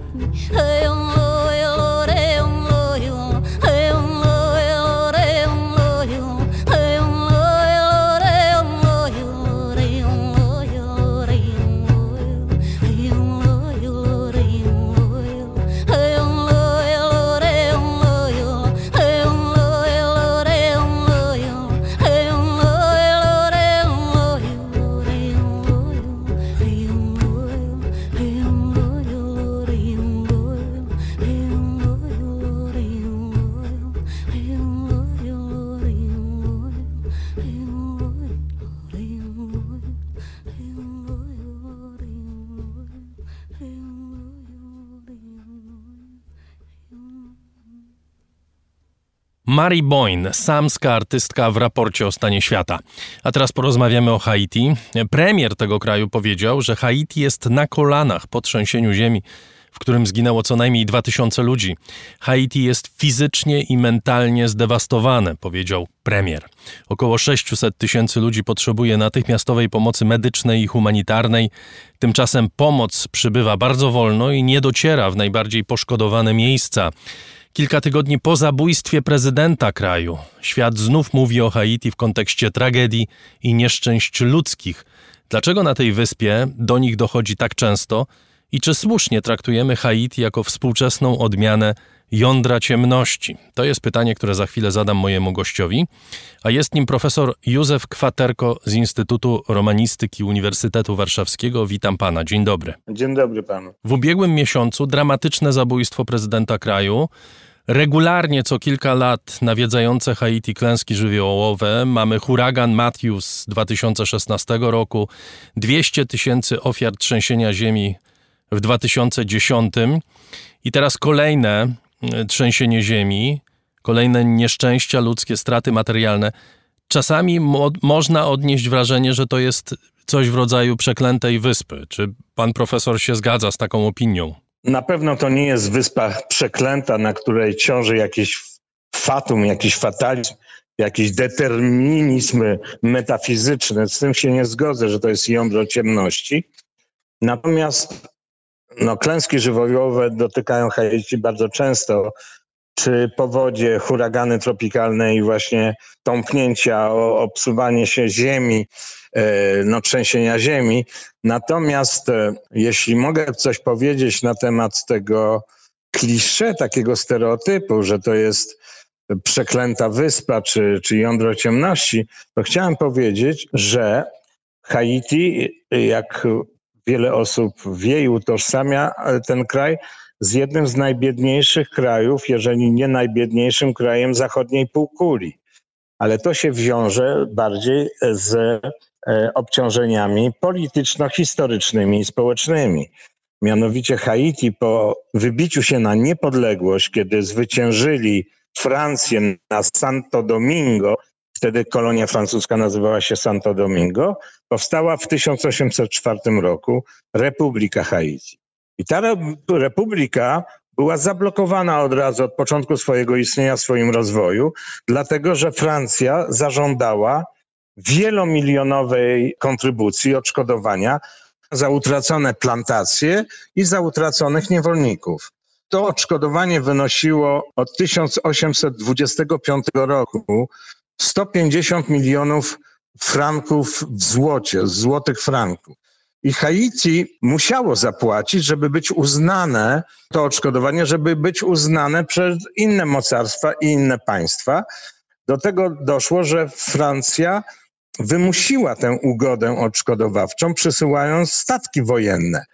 I Haiti jako republika płaciła właśnie po, przez ponad 100 lat i wypłaciła te odszkodowanie. Musiała zaciągać pożyczki w bankach francuskich, żeby to odszkodowanie zapłacić. I oczywiście dług się pogłębiał do 150 milionów właśnie franków i do 1947 roku Haiti jako republika, młode, młode państwo właśnie powstało na gruzach kolonializmu, no było po prostu y, w biedzie systemowej właśnie. Panie profesorze, pan wraca wyjaśniając korzenie tego, czym Haiti jest obecnie, do sytuacji sprzed 200 lat, na dobrą sprawę.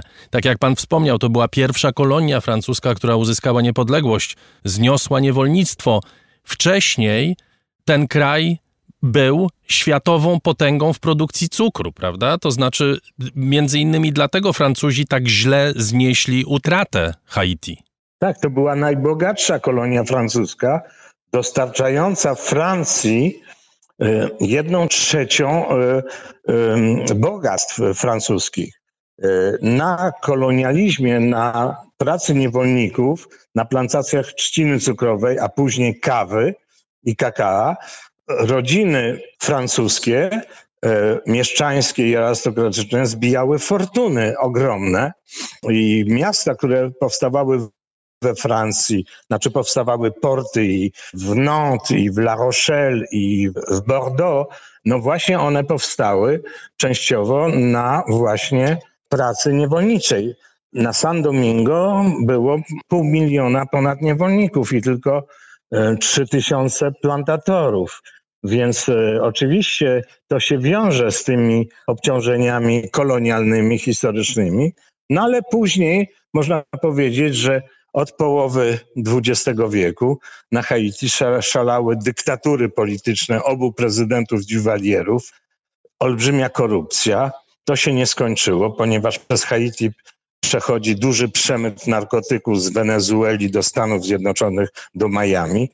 Więc ten kraj trzeba zobiektywizować też właśnie tę sytuację, o której się dzisiaj mówi, że to jest właśnie takie fatum i tak dalej. Po prostu jest to kraj no nieszczęśliwy, można powiedzieć, ale te nieszczęścia nie wypływają z jakiejś klątwy, tylko z jakiejś magii, tylko właśnie z uwarunkowań społeczno-polityczno-historycznych. To jest bardzo ważne, co pan mówi, bo my czasami jesteśmy przyzwyczajeni do tego, żeby traktować właśnie tego typu miejsca na Ziemi jako krainy ogarnięte jakimś wudu, jakąś magią, jakimś e, złym fatum. Tymczasem najczęściej, czy weźmiemy Kongo, czy weźmiemy Rwandę, czy weźmiemy jakiekolwiek inne miejsca, które kojarzą nam się z ogromnymi tragediami ludzkimi, zazwyczaj gdzieś tam u podstaw tkwi po prostu albo zła polityka, albo wykorzystywanie jednych przez drugich. Pan wspomniał o tej dyktaturze rodziny Duvalierów, najpierw François, potem jego syn Jean-Claude. Potem mieliśmy coś w rodzaju demokracji na Haiti, kiedy ojciec Jean-Bertrand Aristide został e, prezydentem e, tego kraju. Równocześnie wpływy Francji oczywiście osłabły, ale to jest kraj, który się znajduje w, w, najbliższym sąsiedztwie Stanów Zjednoczonych. Jaką rolę Stany Zjednoczone odegrały y, w tym doprowadzeniu Haiti do tego stanu, w jakim to państwo się znajduje w tej chwili? To jest rola e, dwoista. Z jednej strony Stany Zjednoczone po trzęsieniu ziemi w 2010 roku jednak bardzo pomogły zorganizowały międzynarodową pomoc za czasów Billa Clintona, który tam przyjeżdżał i Hillary Clinton. Z tym, że źle to było pomyślane, bo ta pomoc była głównie realizowana przez organizacje pozarządowe, które jak gdyby wprowadzały na siłę e, swoje rozwiązania, na przykład złe rozwiązania, odbudowując domy z uwzględnieniem swoich parasejsmicznych kryteriów, które nie odpowiadały zupełnie e, warunkom zabudowy haitańskiej. To znaczy organizacje pozarządowe nie dawały jak gdyby samym haitańczykom, angażowały ich, ale nie pozwalały na ich kreatywność własną. To była taka rola Stanów Zjednoczonych. I poza tym jest rola też no, negatywna, negatywna, polityczna. Stany Zjednoczone popierały już po upadku rządów Aristida no, rządy prezydenta Martelego, takiego piosenkarza, który przyjechał z diaspory amerykańskiej, został wybrany prezydentem, założył partię, która była monopartią, jak gdyby, e, się nazywa partii Tet Calais. Właśnie Tet Calais to znaczy po kreolsku łysy, bo właśnie ten piosenkarz, prezydent był łysy. I później on przekazał władzę Jovenelowi Moïse, temu, którego zabito 7 lipca, który też wprowadził no, quasi dyktaturę pod patronatem przy kurateli Stanów Zjednoczonych. Poza tym na Haiti były tolerowane olbrzymie korupcje, z których korzystały rodziny oligarchów.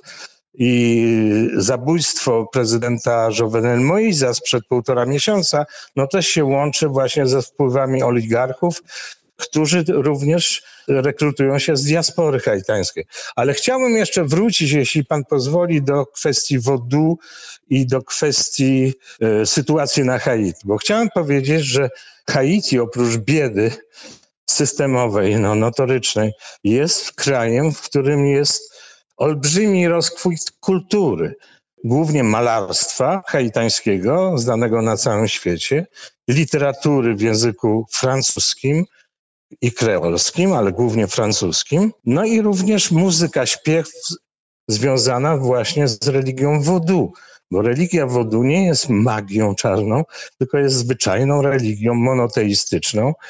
E, I jest również filozofią życia codziennego, która pomaga tym biedakom kierować się pewnymi prawami, prawidłowościami w życiu codziennym. A na czym polega ta religia? To jest religia, która przenika głęboka wiara w istnienie przodków afrykańskich, którzy żyją właśnie poprzez religię wodu, którzy przybywają z Afryki w postaci duchów, bóstw. To znaczy jest jeden Bóg, ale Bóg nie interweniuje w świecie, tylko przysyła właśnie swoje, jak gdyby, no, inkarnacje, atrybuty boskie w postaci, w postaci duchów, czy bogów lub bogiń. Jest bardzo dużo duchów afrykańskich i one mają e, postać oczywiście duchową, ale jak gdyby w czasie kultu wodu przybywają pod wodą z Afryki na Haiti i wcielają się w danego wyznawcę, który je wzywa. Więc to jest bardzo ciekawa religia. To jest religia tańczona, śpiewana, tańczona w rytm bębnów różnych, sakralnych bębnów. Jest bardzo ciekawa no i ona nie ma nic wspólnego z tym, co przekazał nam Hollywood, z wbijaniem szpileczek w laleczki i z rzucaniem złego uroku na kogoś. Oczywiście istnieje czarna magia, ale to nie jest naczelny motyw wodu. Więc chciałem powiedzieć, że motywy wodu, wierzenia wodu mają olbrzymi wpływ na obrazowanie malarskie i literackie. Więc to jest religia ludowa, wiejska. Tak jak w Brazylii jest religią candomblé i macumba, to są religie afrochrześcijańskie, czyli synkretyczne, gdzie katolicyzm odgrywa dużą rolę, gdzie każdy święty katolicki ma podstawionego właśnie swojego ducha wodu. Dlatego, że to jest religia sięgająca do czasów kolonialnych, kiedy niewolnicy afrykańscy przewiezieni na plantacje Nowego Świata mieli jeszcze szczątkową pamięć o swoich bogach afrykańskich i ją chcieli zachować. Natomiast kolonizatorzy, tutaj mówimy akurat o Francji, rugowali tę religię i wszyscy byli poddani katechizacji, ewangelizacji. Więc ci e, potomkowie niewolników są jednocześnie katolikami i jednocześnie wyznawcami wodu, czyli woduistami. I to się nie kłóci u nich. To jest religia synkratyczna, afrochrześcijańska. Fascynująca rzecz i fascynujący sposób pan to opisał. Ja rozumiem, że to jest coś, co pomaga tym ludziom przetrwać wbrew tym wszystkim niepowodzeniom życiowym czy nieszczęściom wynikającym czy to z klęsk żywiołowych, czy po prostu z biedy spowodowanej tymi 200 latami historii, y, które y, zdecydowały o tym, jak wygląda dzisiaj Haiti. Czy istnieje jakakolwiek szansa, że sytuacja e, nie tylko, że tak powiem, metafizyczna, czy mistyczna, czy religijna tych ludzi się poprawi, ale sytuacja dnia powszedniego. Mamy sprzed kilku tygodni dramatyczne wydarzenia, prawda? Zabójstwo prezydenta, no to co, co gorszego może się w polityce danego kraju wydarzyć? Czy jest jakakolwiek szansa, że polityka tego kraju się w jakiś sposób unormuje?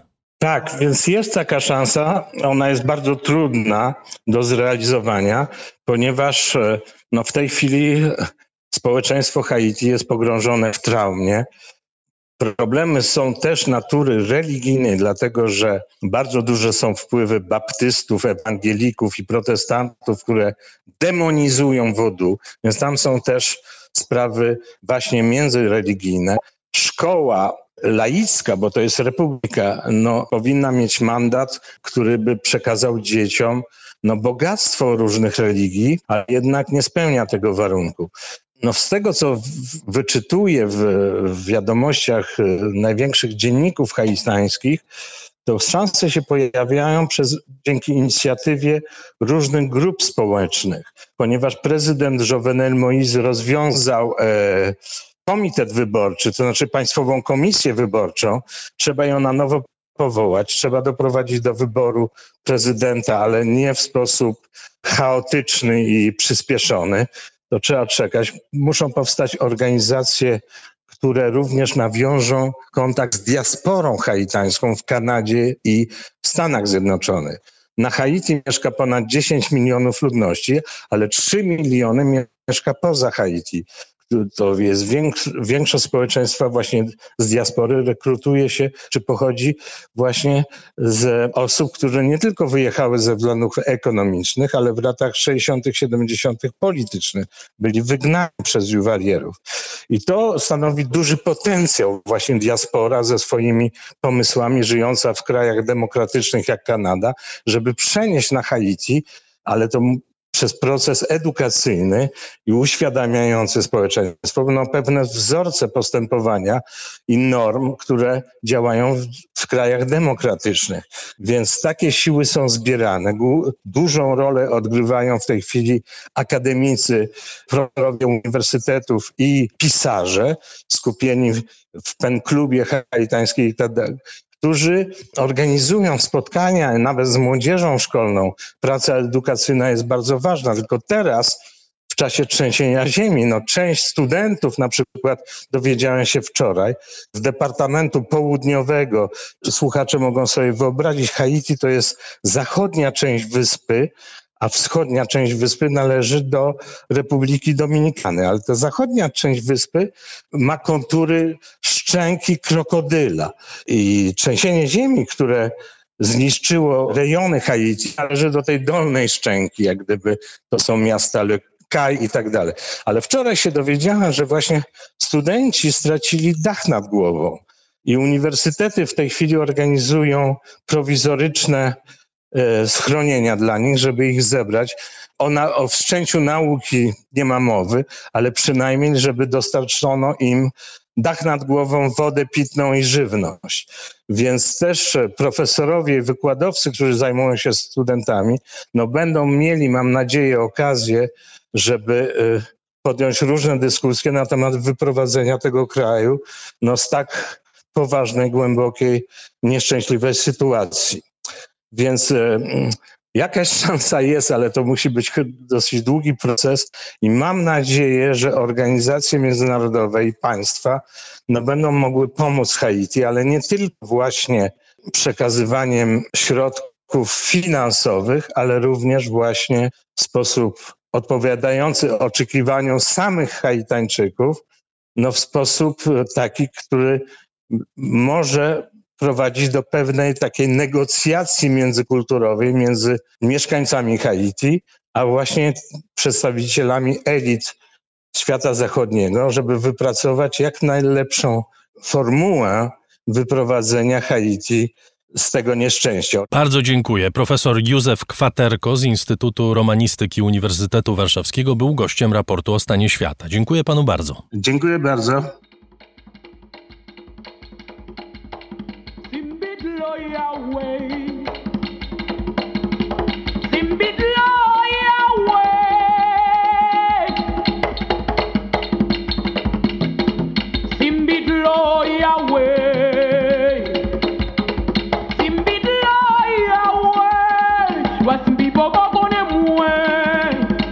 Vivo con el muela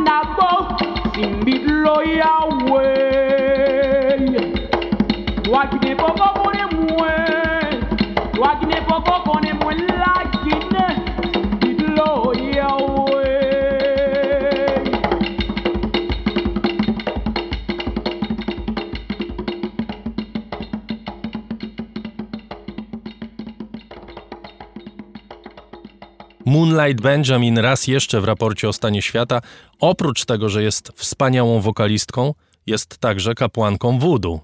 Przy temacie religii pozostajemy. Rzadko w raporcie o stanie świata rozmawiamy o fotografii, a czasem warto. I teraz właśnie to zrobimy. Jak fotografować religię? Czy to w ogóle możliwe? I co może być wynikiem takiej pracy? W warszawskiej Galerii Związku Polskich Artystów Fotografików można znaleźć odpowiedź na te pytania. Odpowiedź w formie fotograficznej oczywiście. Wystawa nosi angielski tytuł The Inward Moment, czyli moment wewnętrzny i jest zapisem wieloletniej wędrówki autora po Azji Południowo-Wschodniej i obserwacji tamtejszych wyznawców siedmiu wyznań. Autor wystawy Andrzej Ziłkowski jest z nami. Witam pana. Witam pana i witam państwa. Dzień dobry. Pańska wystawa to jest fascynująca relacja fotograficzna z podróży w miejsca kultu religijnego w kilku krajach azjatyckich, głównie e, w Indiach, Tybecie, Singapurze. I relacja z przyglądania się ludziom. To jest wszystko o ludziach, prawda? Większość tych fotografii to są twarze ludzkie albo ekspresja poprzez gest, rytuał, czasem fragment tego rytuału. Ja mówię, że to jest wystawa o religii, ale to jest przede wszystkim wystawa o ludziach, prawda? Tak, bardzo panu dziękuję za to dopełnienie, bo e, tytuł wystawy jest właściwie dwuczłonowy. To jest The Inward Moment, e, czyli jest angielski tytuł, który wybrałem z, celowo i, i, są powiedzmy powody, dla których on jest taki, a nie inny, a jednocześnie e, tytuł, ten tytuł ma też podtytuł i się nazywa Człowiek wobec Sakrum. Czyli to nie jest wystawa, czy to nie jest e, album, który też e, nosi e, taki sam tytuł o religiach, ale jest o człowieku w, na drogach wiary, na drogach przeżycia duchowego, na drogach spotkania z sakrum. Proszę powiedzieć, co to jest ten moment wewnętrzny. Bo ja jak patrzę na pana zdjęcia, mam takie wrażenie, że chodzi o uchwycenie właściwie nie duchowości, bo to duchowość to jest coś takiego, co bardzo trudno uchwycić na zdjęciu, ale fragment człowieka, który wyraża się poprzez religię. Czy tak, dobrze to czytam? Tak, tak, tak, bardzo dobrze. Bo no, jest oczywiście ten wielki problem, czy to pytanie, jak sfotografować duszę, czy jak sfotografować sakrum. E, I właściwie na tych zdjęciach to, co najważniejsze dla mnie, jest niewidoczne dla oka. Czyli to jest e, to, z czym człowiek, którego pokazuje, chce nawiązać kontakt. I to można tylko zrobić poprzez ciało, można tylko zrobić poprzez gest, można tylko zrobić poprzez twarz, oczy, dłonie. I pokazanie tej, e, tego przeżycia wewnętrznego, czyli tego the inward moment, czyli wejścia w siebie tam, gdzie jestem ja i to coś, co mnie przerasta i przed czym czuję e, bojaźń. Tak? Nie chcę tego nazwać lękiem czy strachem, ale jest takie znakomite słowo na to bojaźń. I, i to chciałbym pokazać w różnych, na różnych ścieżkach e, religijnego przeżywania swej wiary w Azji. My jesteśmy w świecie, w którym religia jest częścią definicji człowieka, prawda? W przeciwieństwie do naszego świata, w którym my żyjemy, świata postreligijnego, świata, w którym możemy analizować różnego rodzaju wyznania, ale tak naprawdę większość ludzi w Europie nie żyje religią i to zdecydowana większość, prawda? Tu przenosimy się do miejsca, gdzie czasem religia jest częścią wspólnoty, częścią społeczności, czasem jest ekspresją bardzo wewnętrznej potrzeby duchowości, bycia blisko Boga albo blisko swojego wyobrażenia Boga. Pańskie zdjęcia niektóre są niezwykle ekspresyjne, niektóre zawierają sceny bardzo brutalne również, prawda? Bo niektóre z tych rytuałów są, są bardzo brutalne. Tak, one są brutalne, ale tylko może e, w sferze odbioru, bo w sferze przeżycia, one niosą tą samą ekspresję, jaką może być, mogą być na przykład, może być złożenie rąk, czy, czy uklęknięcie. Dlatego, że są wykonywane przez ludzi, dla których tego typu ekspresja jest e, normalna albo też Nawet jest... samookaleczenia, czy... Czy, czy samookale... Z tym, że te samookaleczenia są też e, bardzo dziwne, bo one e, są e, okaleczeniami, które nie pozostawiają blizn na przykład. Tam są zdjęcia takiego festiwalu, takiego święta Taipusam, gdzie Hindusi przekuwają sobie części ciała, czy i, I okazuje się, że potrafią to zrobić w ten sposób, potrafią się do tego tak przygotować, że ciało jest jak gdyby pod kontrolą umysłu, pod kontrolą duszy. E, I ono nie reaguje tak, jakbyśmy się tego spodziewali. Nie ma krwi, nie ma, nie ma yy, blizny po, po, po, tych, po tych ranach. Także to samo okaleczenie jest też jakimś e, aktem e, pokazania swojej wiary. To nie chodzi o to, żeby kogoś zaszokować, ale żeby pokazać, że jestem gotowy dla ciebie zrobić nawet to. Dobrze, to zejdźmy o poziom niżej. Proszę powiedzieć, skąd wzięły się w ogóle te fotografie? Jak się zaczęła ta wędrówka? Skąd tego typu potrzeba? No właśnie, e, ta wędrówka zaczęła się w Polsce.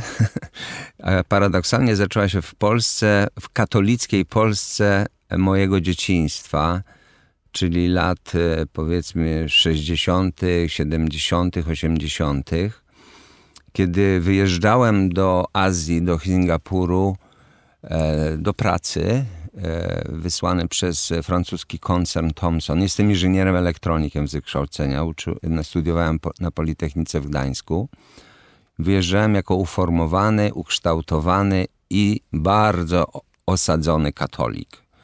E, przyjeżdżając do Azji, gdzie wylądowałem w tyglu duchowości, którym jest Singapur, ta moja, e, ta moje ugruntowanie jak gdyby zachwiało się nieco w posadach. Nie od razu, ale z czasem zacząłem e, jak gdyby wątpić w to, czy oby to, co ja sobą, w to, co ja wierzę, jest do końca całością czy są inne elementy tej wielkiej prawdy, których ja po prostu nie znam, a które wydawały mi się do tej pory nieważne, czy też mało tego pogańskie, czyli grzeszne, tak?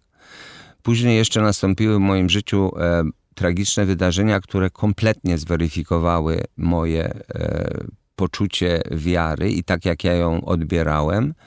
I zanurzyłem się w świat medytacji, która z kolei po latach otworzyła mnie na inne duchowości.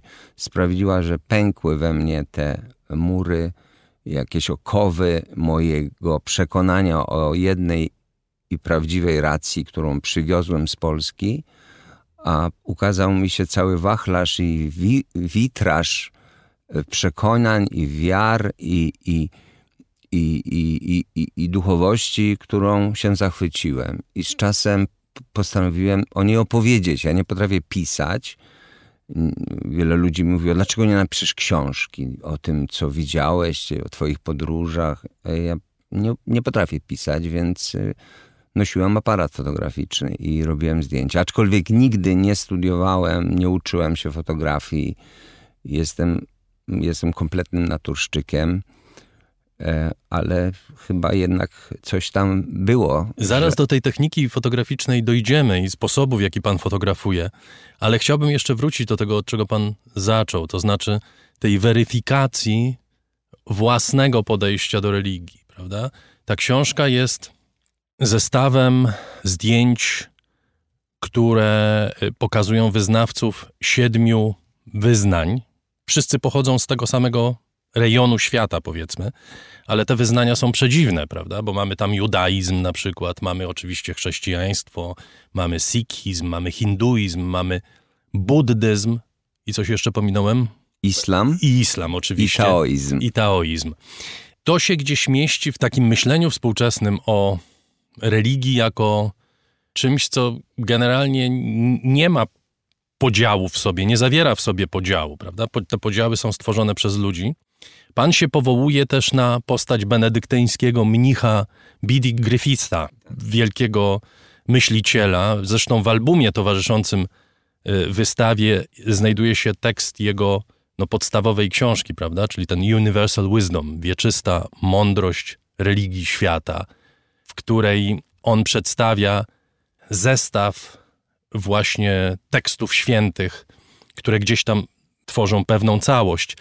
Czy panu ta weryfikacja przyniosła zrozumienie, że religia tak naprawdę, czy potrzeba religii nie podlega podziałom? Tak, tak, zdecydowanie.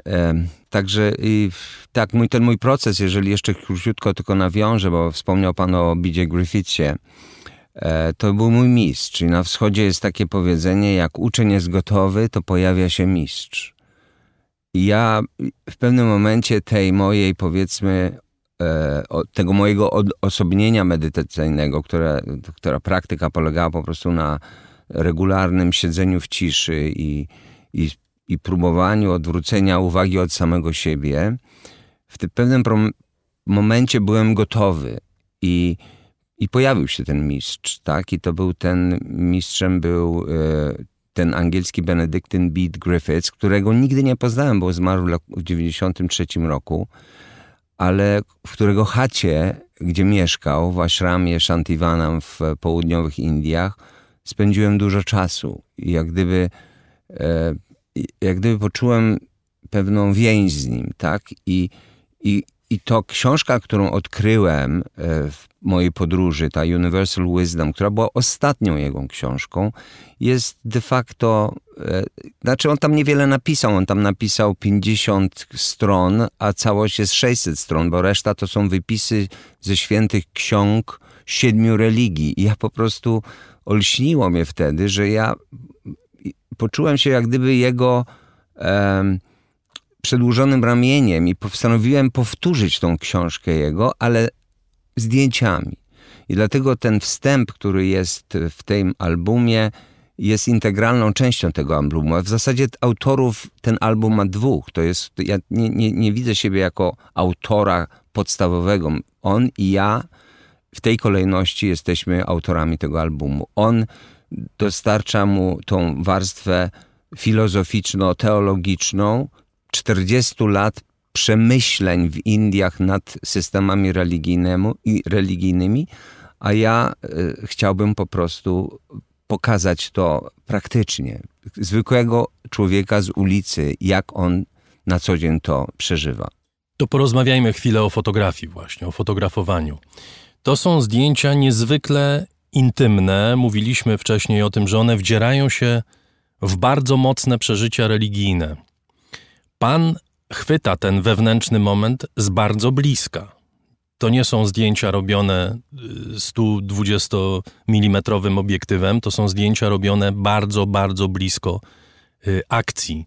Jak się pokonuje tę granicę intymności, pan jest obcy dla nich. Pewnych rzeczy nie da się przeskoczyć, prawda? Jesteśmy Europejczykami, kiedy wchodzimy w świat Azji czy Afryki, widać, że jesteśmy kimś innym.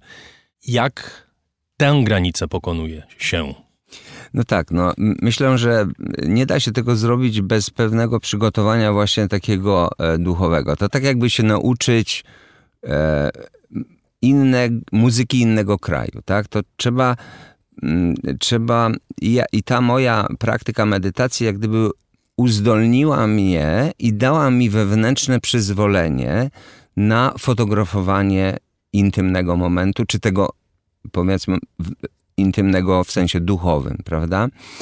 Ja po prostu poczułem, że e, szanując tych ludzi i, i widząc ich piękno i chcąc to piękno pokazać w fotografii, mam wewnętrzne przyzwolenie na to, żeby tą, do tej granicy się zbliżyć. Nigdy jej nie przekroczyłem też. Te zdjęcia nie są ustawiane, nikt nigdy mi nie pozował, ale mnie się wydaje, że sposób, w jakim ja fotografowałem, jak ja się zachowywałem w tych miejscach, mój cały body language, moja, e, moja mój, jak, to oni też czuli, że ja nie jestem turystą z aparatem fotograficznym, który przyjechał po prostu zrobić fajną fotkę na, na Facebook, tylko kimś, kto, kto jest zachwycony nimi, kto ich bardzo szanuje. I to pozwalało E, bo ja później z nimi rozmawiałem, czy wam to nie przeszkadzało, że ja robiłem wam zdjęcia? Mówili nie, bo czuliśmy się, że jesteś jednym z nas. Jesteś, czyli konieczne jest jak gdyby wejście w ten świat, aby uzyskać to pozwolenie fotografowania tego świata. Pan się powołuje na wpływ y, amerykańskiego fotografa Steve'a McCurry, znany z, z różnych prac, ale przede wszystkim autora takiej ikonicznej fotografii Afgańska dziewczyna z 1984 roku. Portret, myślę, że jak ktokolwiek wygoogla, wpisze afgańska dziewczyna Steve McCurry, to e, zobaczy portret, który widział wielokrotnie e, w życiu. Na czym polega ten wpływ owego amerykańskiego fotografa? No przede wszystkim na tym, że jak ja mieszkałem w tym Singapurze i aparat zawsze mi towarzyszył w naszych wyjazdach rodzinnych i ja po prostu kochałem robić zdjęcia. Wtedy jeszcze się robiło zdjęcia na rolkach filmowych, więc brałem tych rolek, nie wiem, tam z 20. E, I ja kupowałem albumy, po prostu oglądałem albumy i, i ten Steve McCurry był tym takim moim e, człowiek, fotografem, który pokazał mi Azję, czyli to miejsce, w którym mieszkałem, poprzez, e, poprzez obiektyw. I, I to mnie zafascynowało, jak można fotografować. I myślę, że każdy fotograf gdzieś tam kiedyś chciał być Steven McCurry. To się we Przynajmniej też każdy tak reporter, prawda? Przynajmniej każdy reporter. Później miałem okazję go spotkać w Singapurze i uczestniczyć w jego warsztatach, chwilę porozmawiać, więc jego, no dowiedziałem się troszeczkę od kuchni, jak on robił zdjęcia, tak? On dostawał 300 rolek od Kodaka, e, całą e, ekipę, która z nim jeździła, załatwiała mu e, hotele, e, przewodników, tłumaczy i tak dalej, i tak dalej. Także on mógł naprawdę wejść w miejsca, które, które normalny człowiek we, wejść by nie potrafił. E, no ja oczywiście tego nie miałem i nawet stwierdziłem, że nie muszę tego mieć. I Także on jak gdyby wyprawił mnie w drogę. Zresztą on powiedział, chcesz robić zdjęcia, to musisz wyjść z domu. E, nie musisz się martwić zbytnio aparatem, nie musisz mieć jakiegoś super aparatu. One są na tyle dobre, że one sobie poradzą w różnych trudnych okolicznościach technicznych, światło i tak dalej. Skoncentruj się na kadrze, skoncentruj się na tym, co chcesz zrobić. No i, no i tyle to było, jeżeli chodzi o Steve'a McCurry. Pojechałem później do tych miejsc, w których on był, ale ale już zrobiłem zupełnie inne zdjęcia. Pan mówi o momencie wewnętrznym, on mówi o momencie bezbronności, unguarded moment. Pan tłumaczy zresztą ten, to wyrażenie jako właśnie moment bezbronności. To jest podobna stylistyka, czy podobna filozofia? E, znaczy się, ten moment bierze się też już od, od Katie Bressona, e, znana jego publikacja The Decisive Moment, tak? To był taki to jest taka ikona e, fotografii tak zwanej street photography, czyli takiej ulicznej. Ten, to jest ten moment, kiedy zdjęcie jest zdjęciem, tak? Wszystko przed i wszystko po już by nie robiło tego zdjęcia e, tym wspaniałym zdjęciem. No i ten moment jest takim e, już jak gdyby wyrażeniem, które funkcjonuje w świecie fotografii. Właśnie to był Decisive Moment, Steve McCurry Unguarded Moment. Później była taka duża praca o wielu fotografach, się nazywała The Ongoing Moment, czyli moment trwający. Więc ja trochę przewrotnie sobie postanowiłem e, użyć to, ten, to słowo moment, oczywiście zachowując wszystkie proporcje. No i nazwałem to The Inward Moment, bo wydawało mi się, że to jest najbardziej e, adekwatne do tego. Tłumaczenie polskie nie oddaje tego, a, a angielskie jak gdyby nawiązuje do tego, do tej tradycji momentu. Pan y, wspomniał jedną z tych lekcji Steve'a McCarego, która polegała na tym, nie przejmuj się techniką prawda? Te aparaty są tak skonstruowane, że one zadbają o technikę. Bardzo często się dzieje tak, że y, ludzie są opanowani przez technikę, prawda? Zastanawiają się, jak, jak ustawić światło, jak wybrać odpowiednią konstrukcję tego obrazu, kadr. Dla pana kadr jest najważniejszy i to, co mamy uchwycić, jak rozumiem, prawda? Tak, ja miałem jeszcze drugiego nauczyciela, polskiego e, fotografa, Tomka Sikorę, który akurat e, mam to szczęście, że e, znamy się prywatnie, jest moim przyjacielem. I znakomity polski fotograf, I prawda? znakomity polski fotograf, światowy fotograf. Ja miałem na tyle odwagi, że zacząłem mu moje zdjęcia pokazywać i on mi zaczynał je opowiadać, tak? Bo ja naprawdę nie wiedziałem, czy to jest dobre zdjęcie, czy złe zdjęcie, tak? Więc on poświęcał mi dużo czasu z moich e, kolejnych e, przyjazdów i pokazywałem mu tych dziesiątki tych zdjęć i on mówił, i on mi mówił, co jest dobre w zdjęciu, a co nie. Czasami się buntowałem, co myślałem, o co ci chodzi, przecież to jest super zdjęcie. On mówi, nie, to nie jest dobre zdjęcie, tak? Także ja się uczyłem jak gdyby e, training on the job, tak? Także robiłem, pokazywałem, on mówił, rób więcej, może zrobisz tak, może zrobisz z dołu, świat widzą zwierzęta, psy, ptaki, nie musisz ciągle wszystkiego fotografować z wysokości e, twoich oczu i tak dalej, i tak dalej. Także e, to było wielkie szczęście w moim, e, że tak powiem, fotograficznym życiu, że takiego człowieka spotkałem i Tomek też włożył masę pracy w ten album i jego opracowania zdjęć. Te zdjęcia są takie, jakie są, bo on je po prostu też z nich wyciągnął bardzo dużo e, detali, których, e, no, do których, no, które trzeba widzieć w zdjęciu, tak? Także ja, mhm. wracając do tego e, pojęcia fotografa, ja się naprawdę nie uważam za fotografa, w sensie takim, jakim jest fotografem Tomek, czy inni polscy fotografowie. Ja się uważam za tego, który robi zdjęcia, tak? I, i, i, chciałbym na tym poziomie pozostać, bo ja nie, jest, ja nie studiowałem fotografii, ja nie żyję z fotografii, ale a to, że te zdjęcia są takie, a nie inne, myślę, że no, jest to dla mnie miłe bardzo, że, że, że, że, że ludzie to doceniają. Jednocześnie nie przywiązuję się do tego, do tej, na, do nazwy, tak, fotograf, artysta, jeszcze gorzej. Wie pan, to tak trochę jak z pisarzem, to znaczy pisarz to jest osoba, która pisze, Fotograf to jest ten, który no właśnie, robi zdjęcia. Wszystko zależy od definicji. Be, bez względu y, na to są marni pisarze i są marni fotografowie, prawda? Oraz są wybitni. My czasem mamy w Polsce takie podejście bardzo romantyczne, prawda? Jak się mówi o pisarzu, to ma się na myśli Adama Mickiewicza albo Czesława Miłosza. No nie, nie, do, no nie do końca. Tak mówimy to. T tak, ale tak samo fotograf, nie każdy jest Cartier-Bressonem czy innymi wielkimi fotografami. Czasem po prostu zdjęcia pokazują, to dzieło skończone pokazuje, jak dobrzy jesteśmy. Może nawet bez naszej wiedzy. Ja bym chciał na koniec wrócić do aktualnej sytuacji. E, bo my rozmawiamy w momencie, kiedy ludzie ogarnięci swoim patologicznym, nie wiem jak to nazwać, fundamentalistycznym rozumieniem skrzywionym. religii, skrzywionym, przejmują władzę w pewnym kraju, w Afganistanie. Na naszych oczach rozpoczyna się po raz kolejny w tym kraju okres, kiedy właśnie to rozumienie religii staje się przyczyną nieszczęść, tragedii ludzkich. I to jest dopiero początek tego, kolejny początek w tym kraju nieszczęsnym. Tak sobie myślę, może to nie jest najlepszy czas do takiego zgłębiania ekspresji religijnej, nawet w tak intymnym wydaniu, jak pan to robi. A może to jest właśnie dobry moment. Może to jest moment, w którym nie powinniśmy zapominać, że religia oprócz tego, że robi wiele krzywd ludziom, potrafi wywołać w nich pewne emocje niedostępne innym sferom życia. W tym albumie miałem, mam zaszczyt, że e, napisała przedmowę do tego albumu e, pani Olga Tokarczuk i właśnie ona o tym pisze, o tym fenomenie religii, który potrafi być e, ubogaceniem, ale potrafi być też e, przekleństwem e, dla, dla tego świata. Mam też e, kilka słów przedmowy od Dalaj Lamy i on z kolei pisze, że powinniśmy jego, jednym z jego wielkich zadań jego życiowych jest to, abyśmy tłumaczyć innym religię innych, tak?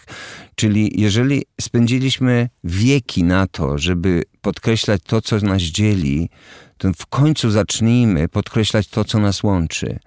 E, no, oczywiście jest takie powiedzenie, że kto zna jedną religię, to nie zna żadnej religii. Czyli e, jest ten świat kolorowy, barwny, różnorodny wszystkich religii, ale on jest jednocześnie zagrożeniem dla ludzi, którzy widzą w tym mm, jakąś, e, jakiś, jakieś zagrożenie właśnie dla ich egzystencji po śmierci. I dlatego ona potrafi być taka zabójcza, bo oni potrafią bronić tego e, do, e, do form okrut, okrutnych. Dlatego religia potrafi zabijać, religia potrafi torturować i religia potrafi być nieludzka. Podczas gdy Dalai Lama mówi, że prawdziwa religia jest ta, która jest, ma zdolność tworzenia w człowieku dobrego serca. I to jest chyba najpiękniejsze określenie religii, tak? Twórzmy dobre serca, bądźmy tymi, którzy idą przez świat błogosławiąc go i, i, i pompujmy w niego to, to powietrze tolerancji, czy też współżycia, współczłowieczeństwa. I niech to będzie puenta naszej rozmowy. Bardzo panu dziękuję. Wystawa i album The Inward Moment, czyli moment wewnętrzny. Autor, pan Andrzej Ziółkowski, był naszym gościem. Bardzo panu dziękuję. Dziękuję również. Dodam tylko, że wystawa e, w Spafie, czyli w, w galerii Związku Polskich Artystów Fotografików na Jezuickiej w Warszawie, czynna do 31 sierpnia, ale to nie jest ostatni moment, kiedy będzie można zobaczyć e, pańskie zdjęcia, bo ta wystawa rusza się po Polsce. Tak, prawda? ona się rusza, ona będzie niedługo w Zakopanem. Będzie inna troszeczkę, bo każde, każda e, forma ekspozycji jest inna. Ona będzie plenerowa, a później będzie inna w Gdyni, E, obecnie stoi też w Kazimierzu Dolnym. Jest zainteresowanie innych miast, Gdańska, Wrocławia, więc myślę, że będzie okazja się spotkać i zobaczyć i porozmawiać. E, bardzo, bardzo Państwu polecam wizytę w którejś z tych galerii albo w którymś z miejsc, gdzie wystawa e, Andrzeja Ziółkowskiego będzie prezentowana. Jeszcze raz bardzo Panu dziękuję. Ja również dziękuję. I to już prawie wszystko w tym wydaniu raportu o stanie świata. Przypominam, że wszystkich naszych programów można słuchać na naszej stronie internetowej raportostanieświata.pl. A jeśli podoba się Państwu nasza muzyka, to zapraszam do obserwowania playlisty Raport Rosiaka i jego muzyka 2021 na Spotify. Tam wszystkie wykorzystane w audycjach utwory muzyczne. Cała nasza działalność możliwa jest dzięki Państwa wsparciu, za które serdecznie dziękuję. Jeśli ktoś nie jest, a chciałby zostać patronem raportu, zapraszam na moje konto w serwisie patronite.pl. Za jego pośrednictwem najłatwiej wesprzeć raport. A jeśli ktoś nie chce albo nie może być patronem, ale chce nas słuchać, to równie serdecznie zapraszam bo to są audycje otwarte dla wszystkich, których interesuje świat i inni ludzie. Adrian Bąk, Chris Wawrzak, Dariusz Rosiak, dziękuję bardzo. Na koniec jeszcze jedna wspaniała wokalistka haitańska, Melissa Lavo.